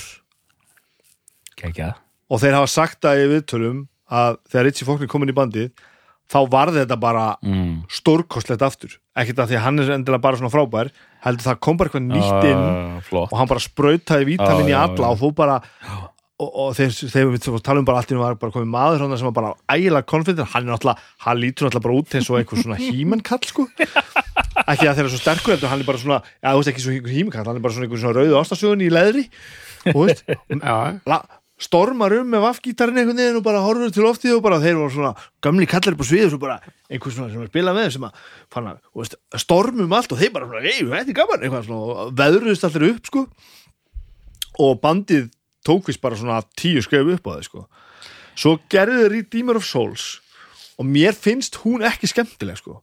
Faulkner ég- tekur einhver þátt í að gera hana. Ég var ekki var við neitt sko. En það er eitthvað sko, ég, ég hef ég er með þá kenningu, kenningum í þá plötu Mm. að, eru- að, að mistökin hafi verið gerð að láta hana hljóma svona retro mm. eins og þetta sé gamalt það er svona svolítið gamalt samdáðin í pródusir Já og það er eitthvað svo hallarslegt sko. Mm. ég man ekki sem hver pródusir er hana Þetta er ekki tónlist er ekki eins og ís Ga- ga- gamli ísinn hann er ekki alltaf betri sko. en svo kemur hérna 2018 platan hérna Firepower. Firepower. Þar semur Ritchie Faulkner miklu meira af riffum, Mm. hann, hann er bara fann að beita sér. Og patti, búið að vera ákveðin mannskjöld að gera þetta. Og bara nýbyrjar í príst og bara hennastakar, ég með nokkuð lög. Já, og, og, og það sem ég gera þar þeir fá svona pínu hotshot til að pródusöruna hann hann Andy Sneap. Heitir hann ekki? uh, hann heitir Andy Sneap Fá og hann- Tom Malone veistu hver það er? Það er maður sem var að, var að sem pródusöraði British Steel. Já. var ekki búin að vinna með þeim í mörg, mörg, mörg, mörg, mörg ár. Já. tók hver Andy Sneap kíkti í ruslpóstinn. Fóru og, og náði, náði gamla Tom sem hafi verið að vinna með þeim Já. á, þegar hann var gaman. Þeir hafa greinlega unnið einhvern veginn saman. Og Firepower hljóma náttúrulega hún hljóma náttúrulega bara eins og einhver, einhver hrískotára sko. sándið á henni svo gott að það er bara ekkit eðlilegt og það er bara ægilega modern á þess að vera sko velrænt og maður finnur alveg að- það er búið að bífa trommuna mikið upp. Þetta er svona, þú veist, hún er, hún er, hún er mikið pródúsurið á þess að missa sko Einmitt, ég, hérna, ég ætlaði einmitt að segja sko, maður fór að heyra svona utan af sér hérna, það fór að, fór að leka út fréttinnar að nýja Judas Priest plata væri bara frábær. Og eh, eins og þú ert að segja sko og rétt ákvörun þú segir hann með Redeemer og Souls hvernig hún hljóma bara fáránlega. Þessi plata, hún bara svona öskrar á þig Firepower, hún- geðveikt sándandi, brjála dæmi. Og eitt sem ég var að hugsa ég var að hugsa um þessa plötu og maður bara svona, djúvill er þetta gott? Og ég, ég hjó sérstaklega eftir því þetta eru góð lög, þetta eru góð riff þetta bara gengur einhvern veginn upp. Og svo, það er svo oft þess sem maður heyrir svona plötur með svona hljómsutum í, í svona hliðst sem er í svipari í svipum aðstæðum að þá kemur út einhver plata og það er kannski fyrstu tvö lögin eru bara kannski mjög flott og síðan er restin Já. kannski já þetta er bara öfugt þarna. Það er bara svona, segjum að, ég man ekki hvað segjum þessi tólaða plata þá er bara svona, það er kannski tvö lög sem eru svona meðalagi, sem 14 er bara lög. restin frábær. Já, 14 lög. Já, bara bara riff 14 eftir lög. riff eftir riff eftir riff. Ég hann held að bara riff- búin að heyra sko 7-8 lögur röð og bara, heyrðu, þetta er bara allt geggjað. Og þú veist, Keikit Dáning ekki af það sem hafi nú verið sko, meðan hann var gríðalega ráðandi í lagasmíðum. Uh, og Ritchie Faulkner uh, Tipton og, og, og, og Halford að semja þetta allt. Nóta Halford spilar á allt. Hann spilar á piano, hann spilar á gítar, hann spilar á trommur. Hann, hann getur allt. Hann er helviti helviti en bara, eh, strákurinn bara komin í komfortzóni, búin að vera í bandinu og veist þó þetta lengi og bara strákar og gerum við killer plötu sko. og hún er, hún er bara ekkit eðlilega góð. Og þegar við sáum það að spila já, það er áður en þessi plata kemur út samt Já. þá voru þið svo góðir sko að það, ég, ég trúði því það var svakalegt sko. ég held ég var að fara að sjá okkur novelty akt já, þetta var alveg en það gikk var bara á öðru stóru sviðunum á vakken og þeir strauðu þetta gjössamlega Shit. og, og ég, ég bara og Agnes sem að hlusta náttúrulega ekki, ekki neitt á djútarspist hún hún var bara eftir sig sko. Mm. það sem að, hvað heldur að Rob Halford hafi gert komast inn á harleinum á góðum tíma Inside Info frá manni sem er unnið með, með þeim og við þekkjum hann er lungur búin að taka vélinn úr harleinum soundið er bara í hátalarkerfum það er ítta bara, bara á play og svo er engið svona hálfi ræsir það er, er svo, svo miklu lettara hjólið þannig svo miklu öðuldar á róttæði dásemt svo byrjar breaking the what byrjar hann Fyrsta lag. breaking the wood. Nei, nei, á bara í miður setting það var bara einhver starf Já, já, já, já. og bara, that's right, breaking the law. Og svo bara din, din, din, din, byrjar þetta. Hann satt á hjólinu rétt í mikrofónu svona í áttur að krátinu. Hann söng ekki orð Nei. af læginu hann söng ekki eitt einasta orð. Hann satt svona. Og við sungum fyrir hann. Og þá fekk maður bara jæja þetta gera, gera ekki nema þeirra allra, allra bestu og láta það ganga upp. Og það var fucking killer sko. Það var geðveikt, það var svo gaman sko. Þetta var mjög gott gegn sko. og þarna fattaði maður bara herru þarna erum við þarna erum við með eitthvað sem er svo, svo langt fyrir ofan average og þetta er svo bara öll þessi saga og allt þetta brjálaði sko. það sem gerist eftir þetta er síðan já, vá. Þetta er náttúrulega þýttur að vera bara 2014 eða eitthvað. Því að, ég er löngu hættur að trúa nokkur sem þú segir því að Glenn Tipton er að spila hann og hann er svo náttúrulega já, ég maður hvað það var ég veit það alla, allavega það er einhvern nokkur á síðan að, Glenn Tipton uh, játaði sig óvígan til spilamösku vegna Parkinson held ég að sé og Já. Andy Sneap er að spila já, á já. gítar með núna nú erum við með Ritchie Faulkner og Andy Sneap að spila sko. Okay. En þeir eru er bara þarna coverið, ég vil bara koma inn á það mestarlegt Já, Firepower, æði. já. að er pínur í præs í, í hérna Ég bara, í, ég veist, í ártfuglin sko Já. Já, já. Þetta er mestarlegt þið veitir bara, allt við þessa plötu er er allt, Já, og já. ægilega mikið príst við þetta allt saman og bara öll þessi príst cover í gennum tíðina, þetta er dásamlegt sko. Sér- sérstaklega þegar byrjuðu á þessum stælum sko. hérna, hvað er þetta að kalla þetta? Þetta er bara svona það er alltaf eitthvað á ferðinni sko. já, þetta er alltaf fleiri færð svona fantasíu fantasju, stál hérna, Stál, kvikind alls einhver konar, já En og eldur En þetta fatt að ég endalega bara fucking shit hvað þetta er gott band sko. og þú veist þeir eru bara enn að spila uh, Ian Alltaf. Hill er elstur í bandinu ég man ekki hvað hann er gamal sko. en hvað, er einhver þeir voru að reyna að hætta þarna þegar við sáum það allavega þeir tóku farveltúr já, í áratöðu eða eitthvað.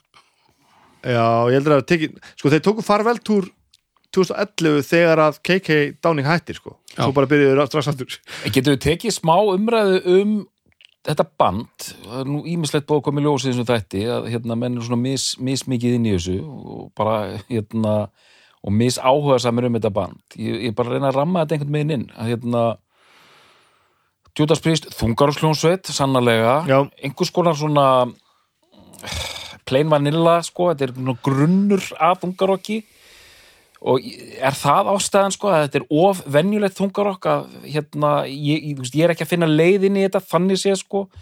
Dyrka Iron Maiden skilur, ég fæ gæsa á þegar ég heyri hérna Where Eagles Stare en hérna ég heyri bara þú ert á sama stað og ég var þannig fyrir 5 og 10 ára síðan sko. bara svo óþroskaður. Svo bara, allt í einu einhvern veginn þá fattar maður eitthvað sko. þú, þú, eitthvað geti gerst en maður bara svona, já, já, veist það eru lögandi svo Exciter, mér finnst það æðislegt sko, en það, ég á svona sögulega tengingu við það, ég átti þessa tónleika plötu þarna og hl- hlusta á það sko, en hérna, þú veist en, en, en, en svona getur gerst. Hljómsveit eins og Fugazi, það- ég fíla hann ekki. Já, ég mitt, ég mitt ég nefnt það sko, það er bara svona og ég, ég, ég hef sagt þetta oft, oft áður í þessu þætti sko, að, hérna, þetta óvitaða að þú veist að alltaf pappirunum segir bara já Arnar, hann lítur að fíla Judas Priest í, í tæklur, já, maður hefði aldrei það sko sen er bara eitthvað bilað á milli sko. En ég, Nei. ég tengi bara svo mikið við því núna sko. það, Ég held að það sé málið, að ég bara einhvern veginn ég veit svo mikið og bara, eh, þú veist, og mann finnst þetta endalust áhugavert og sagan og allt það og flott og bara, og maður heldur með þeim og það allt svona, en, en hitt er önnur saga, það er bara þannig og svo þetta náttúrulega þessi, risastóru menningarlegu áhrif sko. þeir eru náttúrulega bandi sem var, sem var, var kært í bandaríkjunum af því að tvei strákar frömdu sjálfsmórð Já, Mér, mér fannst svona skemmtilegast að sjá í þessar yfirferð, það voru þessar hérna, plötur sem hafa nefndar 3000 sinnum að því ég er mjög áhugasamur um þegar tónlist er að verða til. Já, eins og þegar black metalið er að verða til. Einmitt, einmitt. Og það veit enginn hvað þetta er nákvæmlega. Og veit enginn Síst- hvert þetta er að stefna, hvert þetta er að stefna og síst þeir sem er að búa tónlistan til, þeir veit ekkert hvað þetta er sko. nei, þeir voru nú ekkit að við vissum nú ekkit sérstaklega Og samfélagið- mikið svona þetta tæm black metal lið allavega og ákveðin kimi af, af samfélaginu hann var ákveðið, ákveðið því að þetta væri bara satan veist eins og sabbat og allt saman og þeir hann þessi strákar hann drekka sér fulla, skjóta sér báður í hausum með haglabessu, mm. annar deyr og hinn ekki fyrir tveimur árið setna Já, já, já. Ykkur, og hann náði þess að skrifa ykkur bref og eitthvað svona sem er notað sem sönnuna sönnunagagn og það er eitthvað svona Mm. Að bara búsið og, og, og þungar okkið til dæmis Judas Priest hafi einhvern veginn, ég man ekki hvað mesmerized held ég hafi verið orðið sko. Hafa orðið mesmerized og, og það, það á bara að klína sökinni á Judas Priest. Og þeir segja að þetta tók ævintýralega úr þeim sko, þeir voru, bara í, voru alltaf bara berjast í lífi sinni í marga mánuði, bara í, dómstólum. Mm. og það var sko einhver svona sound analyst sem var fengið til þess að fara í gegnum músíkin þeirra og ég man ekki eins og hvaða lag þetta var. Þá, þá, þá, þá ámaður ekki að greinta að heyri svona do it. Já, já, já, ég man og það hafi verið nóg sko. Svo náttúrulega bara dó, dómstólunum er náttúrulega endur með því bara er eitthvað að ykkur? Drulliði ykkur heim hana. Já, það er óafhengskulegt það er þetta til dæmis þú veist, risastór partur af, af, af þungarás menningunni bara þetta þú veist, vera þetta, þetta, þetta, þetta að, að klína sko á, á, ákvörunum annara yfir á ábyrð bandsins einhvern veginn, sem er svo, sem er svo fjärstaðu kendur fjandi sko. Já, já, þetta er bara svo, þetta er svo einfalt þetta, þetta, þetta lítur út úr að vera slæmt þetta lítur út úr að vera ljótt, þetta lítur út úr að vera illt þetta bara- lítur út að, heyrðu þetta er þér að kenna. Og bara að því að þú settir eitthvað á plötu Já. þess badni mitt. Já, því- þú veist, þetta bara meikar ekkert sens sko. Sem betur fyrir unnu við nú þetta þennan slag sko, við, þú veist, þetta er bara ég er partur fyrir þetta veist. tippir gór brjálaði ég ég, ég, ekki máli hvað var tengt djöflunum það var alltaf já, já, En ég ætla að bæta við sko hérna því að ég var að tala um þeim þegar tónlist er að vera til, mér svo fyndi sko ég las einu sinni um hérna Bathory sko hérna þessar fyrstu tvær plötur þeirra sveitar það er bara og það hljóma alveg, þetta er alveg ótrúlegt hvernig það hljóma og þú veist bara já, þú veist hann var ekki að reyna að vera íbúlega að reyna þetta, var, hann var bara svo lélugur sko. og, hérna, Já, já, já. þetta var svo Já, já, já, já. og hann var með svo lítinn tækjakost og allt þetta Það þetta, það var ástæðan sko. og, bara, og maður sér þetta alveg fyrir sér bara einhver gaur að reyna að gera eitthvað og, og þessi litlu hann var með, þú veist, lélegan tækjakost kunnið þetta ekki alveg sem kemur bara þessi þessi fáranlega músík út og bara, en þú veist, nafni Bathory og allt þetta, ég dyrka þetta dæmi sko. en þú veist, það er þetta Twilight sko. þetta er bara, það er eitthvað að fara að gerast sko. og eins og með þessar gömlu vorum að tala um það, Black Sabbath og New Wave og British Heavy Metal Judas Priest einhvers þar á milli og er að búa til og þetta template fyrir, fyrir þrassið sko. já, já Magnað. magnað sko. og ég meina virðingin er hún er, hún er botlaus sko. það, er, það er engin þungar og sljómsveit sem að ætla að, það er engin sem að hefur spilað þungar og sem ætla að fara að tala eitthvað illa um Judas Priest. Bara hvernig ætlar að gera það? Það er miklu auðvöldur að tala Dissa Slayer jafnvel veist, þetta er svona Motorhead og Judas Priest. Já, já. þú ert ekkert að fara að fokka í þessu neitt sko. þetta er bara þarna sko. og ACDC, svolítið og Það- ACDC en það, þú veist, allavega músík og Jú, jú, væs en það er auðvöldra samt- drulli samt ACDC heldur en Judas samt Priest sko. sammála ACDC er þarna líka. Þess vegna var maður alltaf að hugsa "Bíddu, akkur hefur þetta ekki meira við mér? Og sem bara, ok, whatever. Svo er náttúrulega Þú bara hefur einhvern áhuga á músík eða? eitt í, eitt í félagslega partinu líka en náttúrulega að hann, að meðan hann er ekki í bandinu þá náttúrulega kemur hann loksins út úr skápnum já, einmitt, sem hann hafði aldrei gert Mhm. og alltaf verið að tala um þetta eitthvað og hann gerir það bara í bytni á MTV óvart sko, hann svaraði bara einhverju spurningu bara sem að hálfpartin kom upp við það, hann bara ónaði það bara um já, leið. Já, ok, ok. Og bara að hún gráta bara á eitthvað, þú veist, þú veist Já, ég og, og bara alltaf, alltaf svalur já, já, já, þetta já, er eitt svalast sem hafa verið á, á jörðinni og hann 20 svo talar hann svo reynd út um það hvað það hafði skipt hann miklu máli og, og, þú veist, og, og, en ekki bara svona já, ég, eins og hérna Gal gerði já, já, já, já. hann kom út í skápnum sem var frábært sko. Mhm. uh, en hann, hann fór strax í að gera bara svona, svona pínu svona, hvað þetta skiptir einhver máli. Auðvitað skiptir þetta máli maður. Hvað þetta skiptir miklu máli fyrir marga sko. nú er ekkert að leita um gala þeim er skal mjög svalur að mörgum leiti sko. og hann gerði þetta ekkert illa. Miklu meiri fígur hans hann er miklu meiri fígúra. Og svo kemur bara þessi maður hana Rob Halford sem mm. kem, kemst alltaf að betru og betru og betru og er náttúrulega stórkostlega manneska og bara, þetta er besta sem ég hef gert fyrir sjálf mig. Og ég var logandur hættur um að þetta myndi skemma allt fyrir mér og öllu sem ég hef gert. Já, mesti léttir í lífinu var það um leiðu að gera þetta þá fekk ég skilabóð frá öllum í kringum mig aðdáðundum, samstarfsfélögum fjölskyldu og öllum sem öllum fannst þetta frábært. Og hann bara viðkynni það bara ástæðan fyrir ég gerði ekki fyrr ég var skítrættu við að koma til skapnum að sjálfsögðu. Og ég meina, þetta er alveg Gal hefur náttúrulega bara fengið eitt SMS frá einhverjum í annari dýflissu það, það, það er kannski málið. Þetta er alveg hárið sem hún nefnir og mjög mikilvægt að einmitt, auðvitað skiptir þetta máli. Auðvitað skiptir þetta máli sko þegar maður með þetta plattform tekur þetta gerir þetta og segir líka svona frá þessu Já. og segir einmitt, ég var svo hrættur að því að þú veist tíman er að breyst og allt það en þetta er bara, þetta er ömulegt sko, staðan sem uh, samkynniðir eru mjög oft í sko. Bara ræðilegt sko. Já, Þannig að- eins og, eins og hann sagði til einhverju viðtali það breytir ekki því, þó að það gengi vel breytir því ekki að það eru, núna eru lönd í heiminu sem prist getur ekki spila af því það er hann réttrapur og, og bara, og, þú veist, eins og eh, hérna, þetta er allt önnur umræð en, en samt, mér svo fyndið, þú veist það er- það það engir hommar í, í, í fótboltanum, sko. Þetta er bara það sama. Þetta er Þetta er fálega nákvæmlega sama. Bara, já, nei, já. Nei, já, það er hérna, rísastór deild í Bretland og allt það, nei, það er engir hommar að spila þú getur ímyndar í hvað stöðu þeir eru, sko. Að þessu sögðu finnst mér að aðdánuvert og mjög fallegt að community metal, þessi harða, harða sena mm.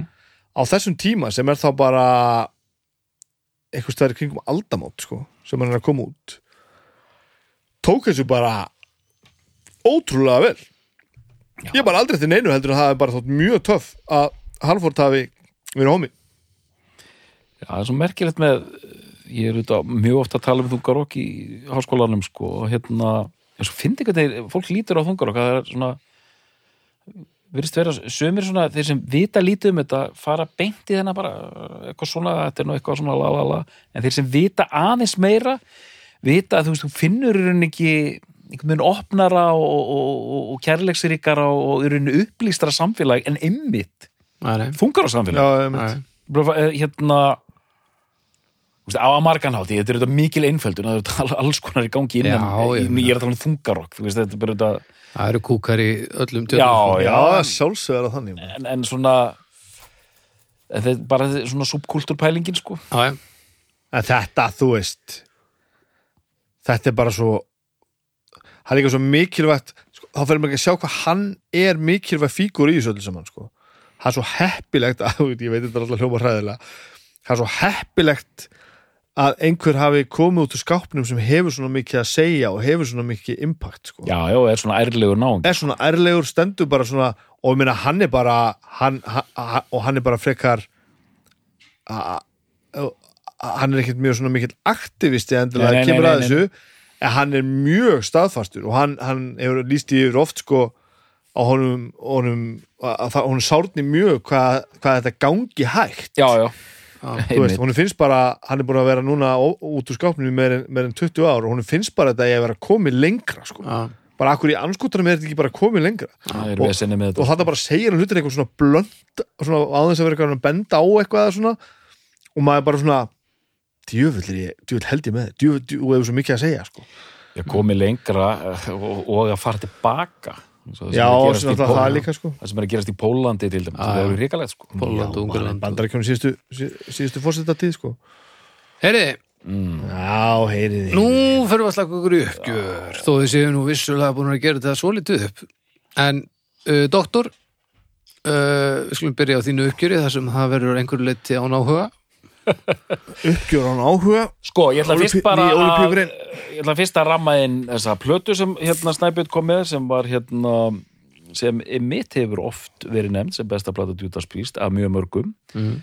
uh, og bara þú veist, þarna eru þeir skiljanlega, menn sem hérna, hérna átt, átt ekki verið mat og voru að drepa drepa úr hungri eru búin að vera að gera í rauninni svona tilraunakendar tímamótaverk þarna rétt á undan og eru sína ebla sig þú veist, hérna Stained Class og hérna Killing Machine, en þú veist er tekin sem að skilu mjög vel bara nú ætlum við að taka þetta á næsta level. Mm. eru að hálfa aðeins í kringu sig kannski Queen og eitthvað svona, gera aðeins meira svona kom kommersial, jafnvel svona svolítið amerist sound. Og bara negla það með lögum eins og hérna Living After Midnight, Breaking the Law og fleiri bara svona lög sem veist, komast í rauninni bara í, í, í dagspilun í útvarpi. Já.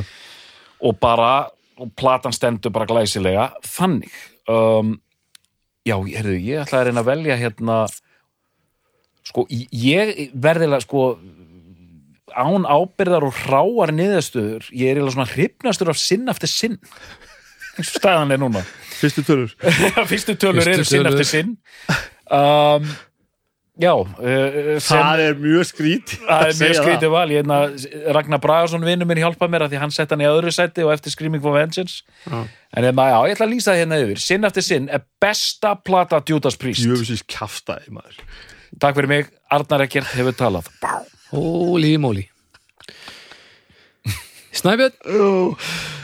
Um, Ég ætla að geiska á að Judas Priest verði enn vinsallaband eru í dag eftir svona 50 ár. Svona þegar, þegar, þegar við erum allir döðir þá ætla ég á að Priest verði á, á hápuntunum ég ég held að sé eitthvað svo fullkomlega klassist við það sem Judas Priest gerði og nógu fjölbreytt. Þannig að þeir þeir verði nær svona, ég ætla ekki að segja býtla status sko, en, en sko nær býtla stemningunni. Mm. þetta verði einhvern veginn sko að því að þú veist ég veit ekki alveg hvað ég er að fara með þetta. Nei, ég en, vissum að en, en, ég veit inn í höfðun á mér hvað ég hvað, hvað ég er að fara með þetta. Ó, ég held að tíminn eftir að fara ofbóðslega vel með þetta. Mm. Ég held nefnilega að þetta verði ekki með þetta verðleikum í svolítið tíma og svo dettu við bara í klassík. Þegar þetta verði orðið klassísk tónlist þá e, fylgdin eftir að en kannski er ég bara að tala um það kannski er ég bara að tala um það ég held að tíminn eigi ekki eftir að gleyma príst ég, ég held að sé mjög mörg svona bönd þú veist, Metallica, ACDC þetta Mhm. dót eiga eftir að eiga eftir að lifa vegna þess að þau eru svo ógæðslega vinsæl sko. Mm. uh, Def Leppard er ennþá vinsælla heldur en heldur en Judas Priest þá enginn eftir að muni Def, Def Leppard eftir 50 ár Nei, ég er alveg sammála þessu sko. ég held að Judas Priest verði þar sko. vegna þess að það er bara eitthvað sem að er svo gjössamlega djúft niður í kjarnan hann, sko. mikið DNA dæmi þetta er svo mikið DNA það er það, kom doktorinn með orðið sem ég vantaði DNA DNA, mm. einmitt það er orðið sem ég Kjarn, list. þetta er svo kjarnsýra í þessu sko. um, ég er ennþá að fatta Judas Priest ég viðurkenni það bara fúslega og ég eftir að fara ennþá meira í katalógin heldur ég gerði núna. Ég hlustaði nú alveg slatta núna. Örgulega helmingurinn af minni Priest hlustun á æfinni fór fram fyrir þannig þátt sko. ég bara það bara alveg sko. ég hef búin að hlusta alveg slatta á þessa blötu mm -hmm. Screaming for Vengeance, búin að hlusta slatta á hana skilur uh, og, og hérna Painkiller, eitthvað pínu. Minna, það er eitthvað við Painkiller sem svona það er hún svo mikið svona töffara plata ég hérna, mér finnst hún frábær sko. En, en hún, hún, er til dæmis allt öðru þessi plata heldur en síðan Já, já, allt, hún, allt, allt hún öðruvísi, er sko. ekki jafn glerhörð og kannski títilega ekki auðvitað kynna, hún er Mm. hún alveg þokkala fjölbreytt plata, pinkileg, sko, hún en svona- hún- öflug svona pínu teknikal á köfni Já, já, já, hún er, hún er grjóthörð. Svo skrítið hvað er bara að gera ógeðslega margvíslega Já, hluti sko. það er fjölbreytt sko. og svo bara Firepower sem er alveg ótrúlega plata sko. Er alveg- hún er algjörlega ótrúlega það er svo skrítið að gera það einhvern veginn. Bandið stofnum 1969 já, já. árið 2018 gefa þær út eina sínum bestu plötum. Og það er bara eitthvað það er eitthvað rámt við að það er segja. gert sko. Næstu 50 árin síðar. En hérna, ég segi það samt. Ég, ég er bara, ég á ennþá eftir að, að ég á ennþá eftir að fatta þetta almennilega sko. en ég ætla að klikka út með því sem ég sagði á hann hérna mér þykir vænt um kvörkið. Mér finnst þetta United dæmi alveg ævintýralega fallegt sko. Ég veist sem að mörgir sem hata mig fyrir þetta þetta lag er náttúrulega er, eins og það er sko. En það er eitthvað algerlega stórkostlega heiðalegt við þetta sko og líka þetta lag sem ég vissi ekki fyrir núna að það væri aukalag sko, sem var tekið upp eftir á. Og er óskild að það verið sett á, á plötuna. Mér finnst það bara frábært. Ég bara, veit ekki þetta okkur við þetta er bara svo hryllilega heiðalegt það er svo, eins og, í því lagi svo, svo halvfort syngi svona, svona langt frá mæknum svona eins og hann sé að það að hérna tjanta við líðnum og svo er náttúrulega bara, þú veist, er bara stoppkapla sem bara trómur United, United, United. Allt þetta. Og svo kemur kór með honum og ég bara Og svo kemur Coca-Cola lestin. Ég, en þetta er alveg partur að ég, hérna, ég, ég hérna, mér finnst þetta frábært. Mm. en auðvitað verðum að tala um Rob Halford. Það sá maður er og hann verður bara svalari og svalari og svalari og svalari. Farið og horfið á að því, að því vorum að tala um daginn hérna Lemmy, hann talaði hérna jarðaförni og Lemmy, það er algjörlega mindblowing ræða sko. Mm. það er, mynd, er mynd í bókinni hans sem ert að tala um sem er selfie sem að Rob Halford tók af sér og Lemmy eftir síðasta túrin sem þið tóku saman. Það settist þau niður á flugvellinum það sá að Lemmy satt svona af sér ég saði þetta frá þessu í móturutættinu Þú sagði þetta þá og einmitt hann fór svona að labbaði til hans og bara Æ, við gerum þetta nú vel, gamli vinnur bara, hvað er að gerast hérna og svo bara Lemmy fæ ég selfie og svo mynd er bara veist, hún er svo, og hann Lemmy hún alveg grind, grindhórað sko. mm. og bara, og hann segir þetta frá þessu í, í hérna jarðaförunni þegar hann tók þessa mynd bara Já. sagan af því er bara, hún er svo, hún er svo, hún er svo beautiful sko. Að, veist ég er bara pínu glaður að hafa fattað. Bara farið fari ekki á mis við þetta. Það er bara, ég skil loksins að, að ég þarf að hlusta á Það er takk, fyrir. Já. Já, bara búinn. Ég er alltaf ekki búinn, ég er hættur allavega. Ok. Við byggjum ekki um meiri bili. Þannig að Snæbjörn Er þetta besta plata Judas Priest? já, Doktor Er þetta besta plata Judas Priest? Nei,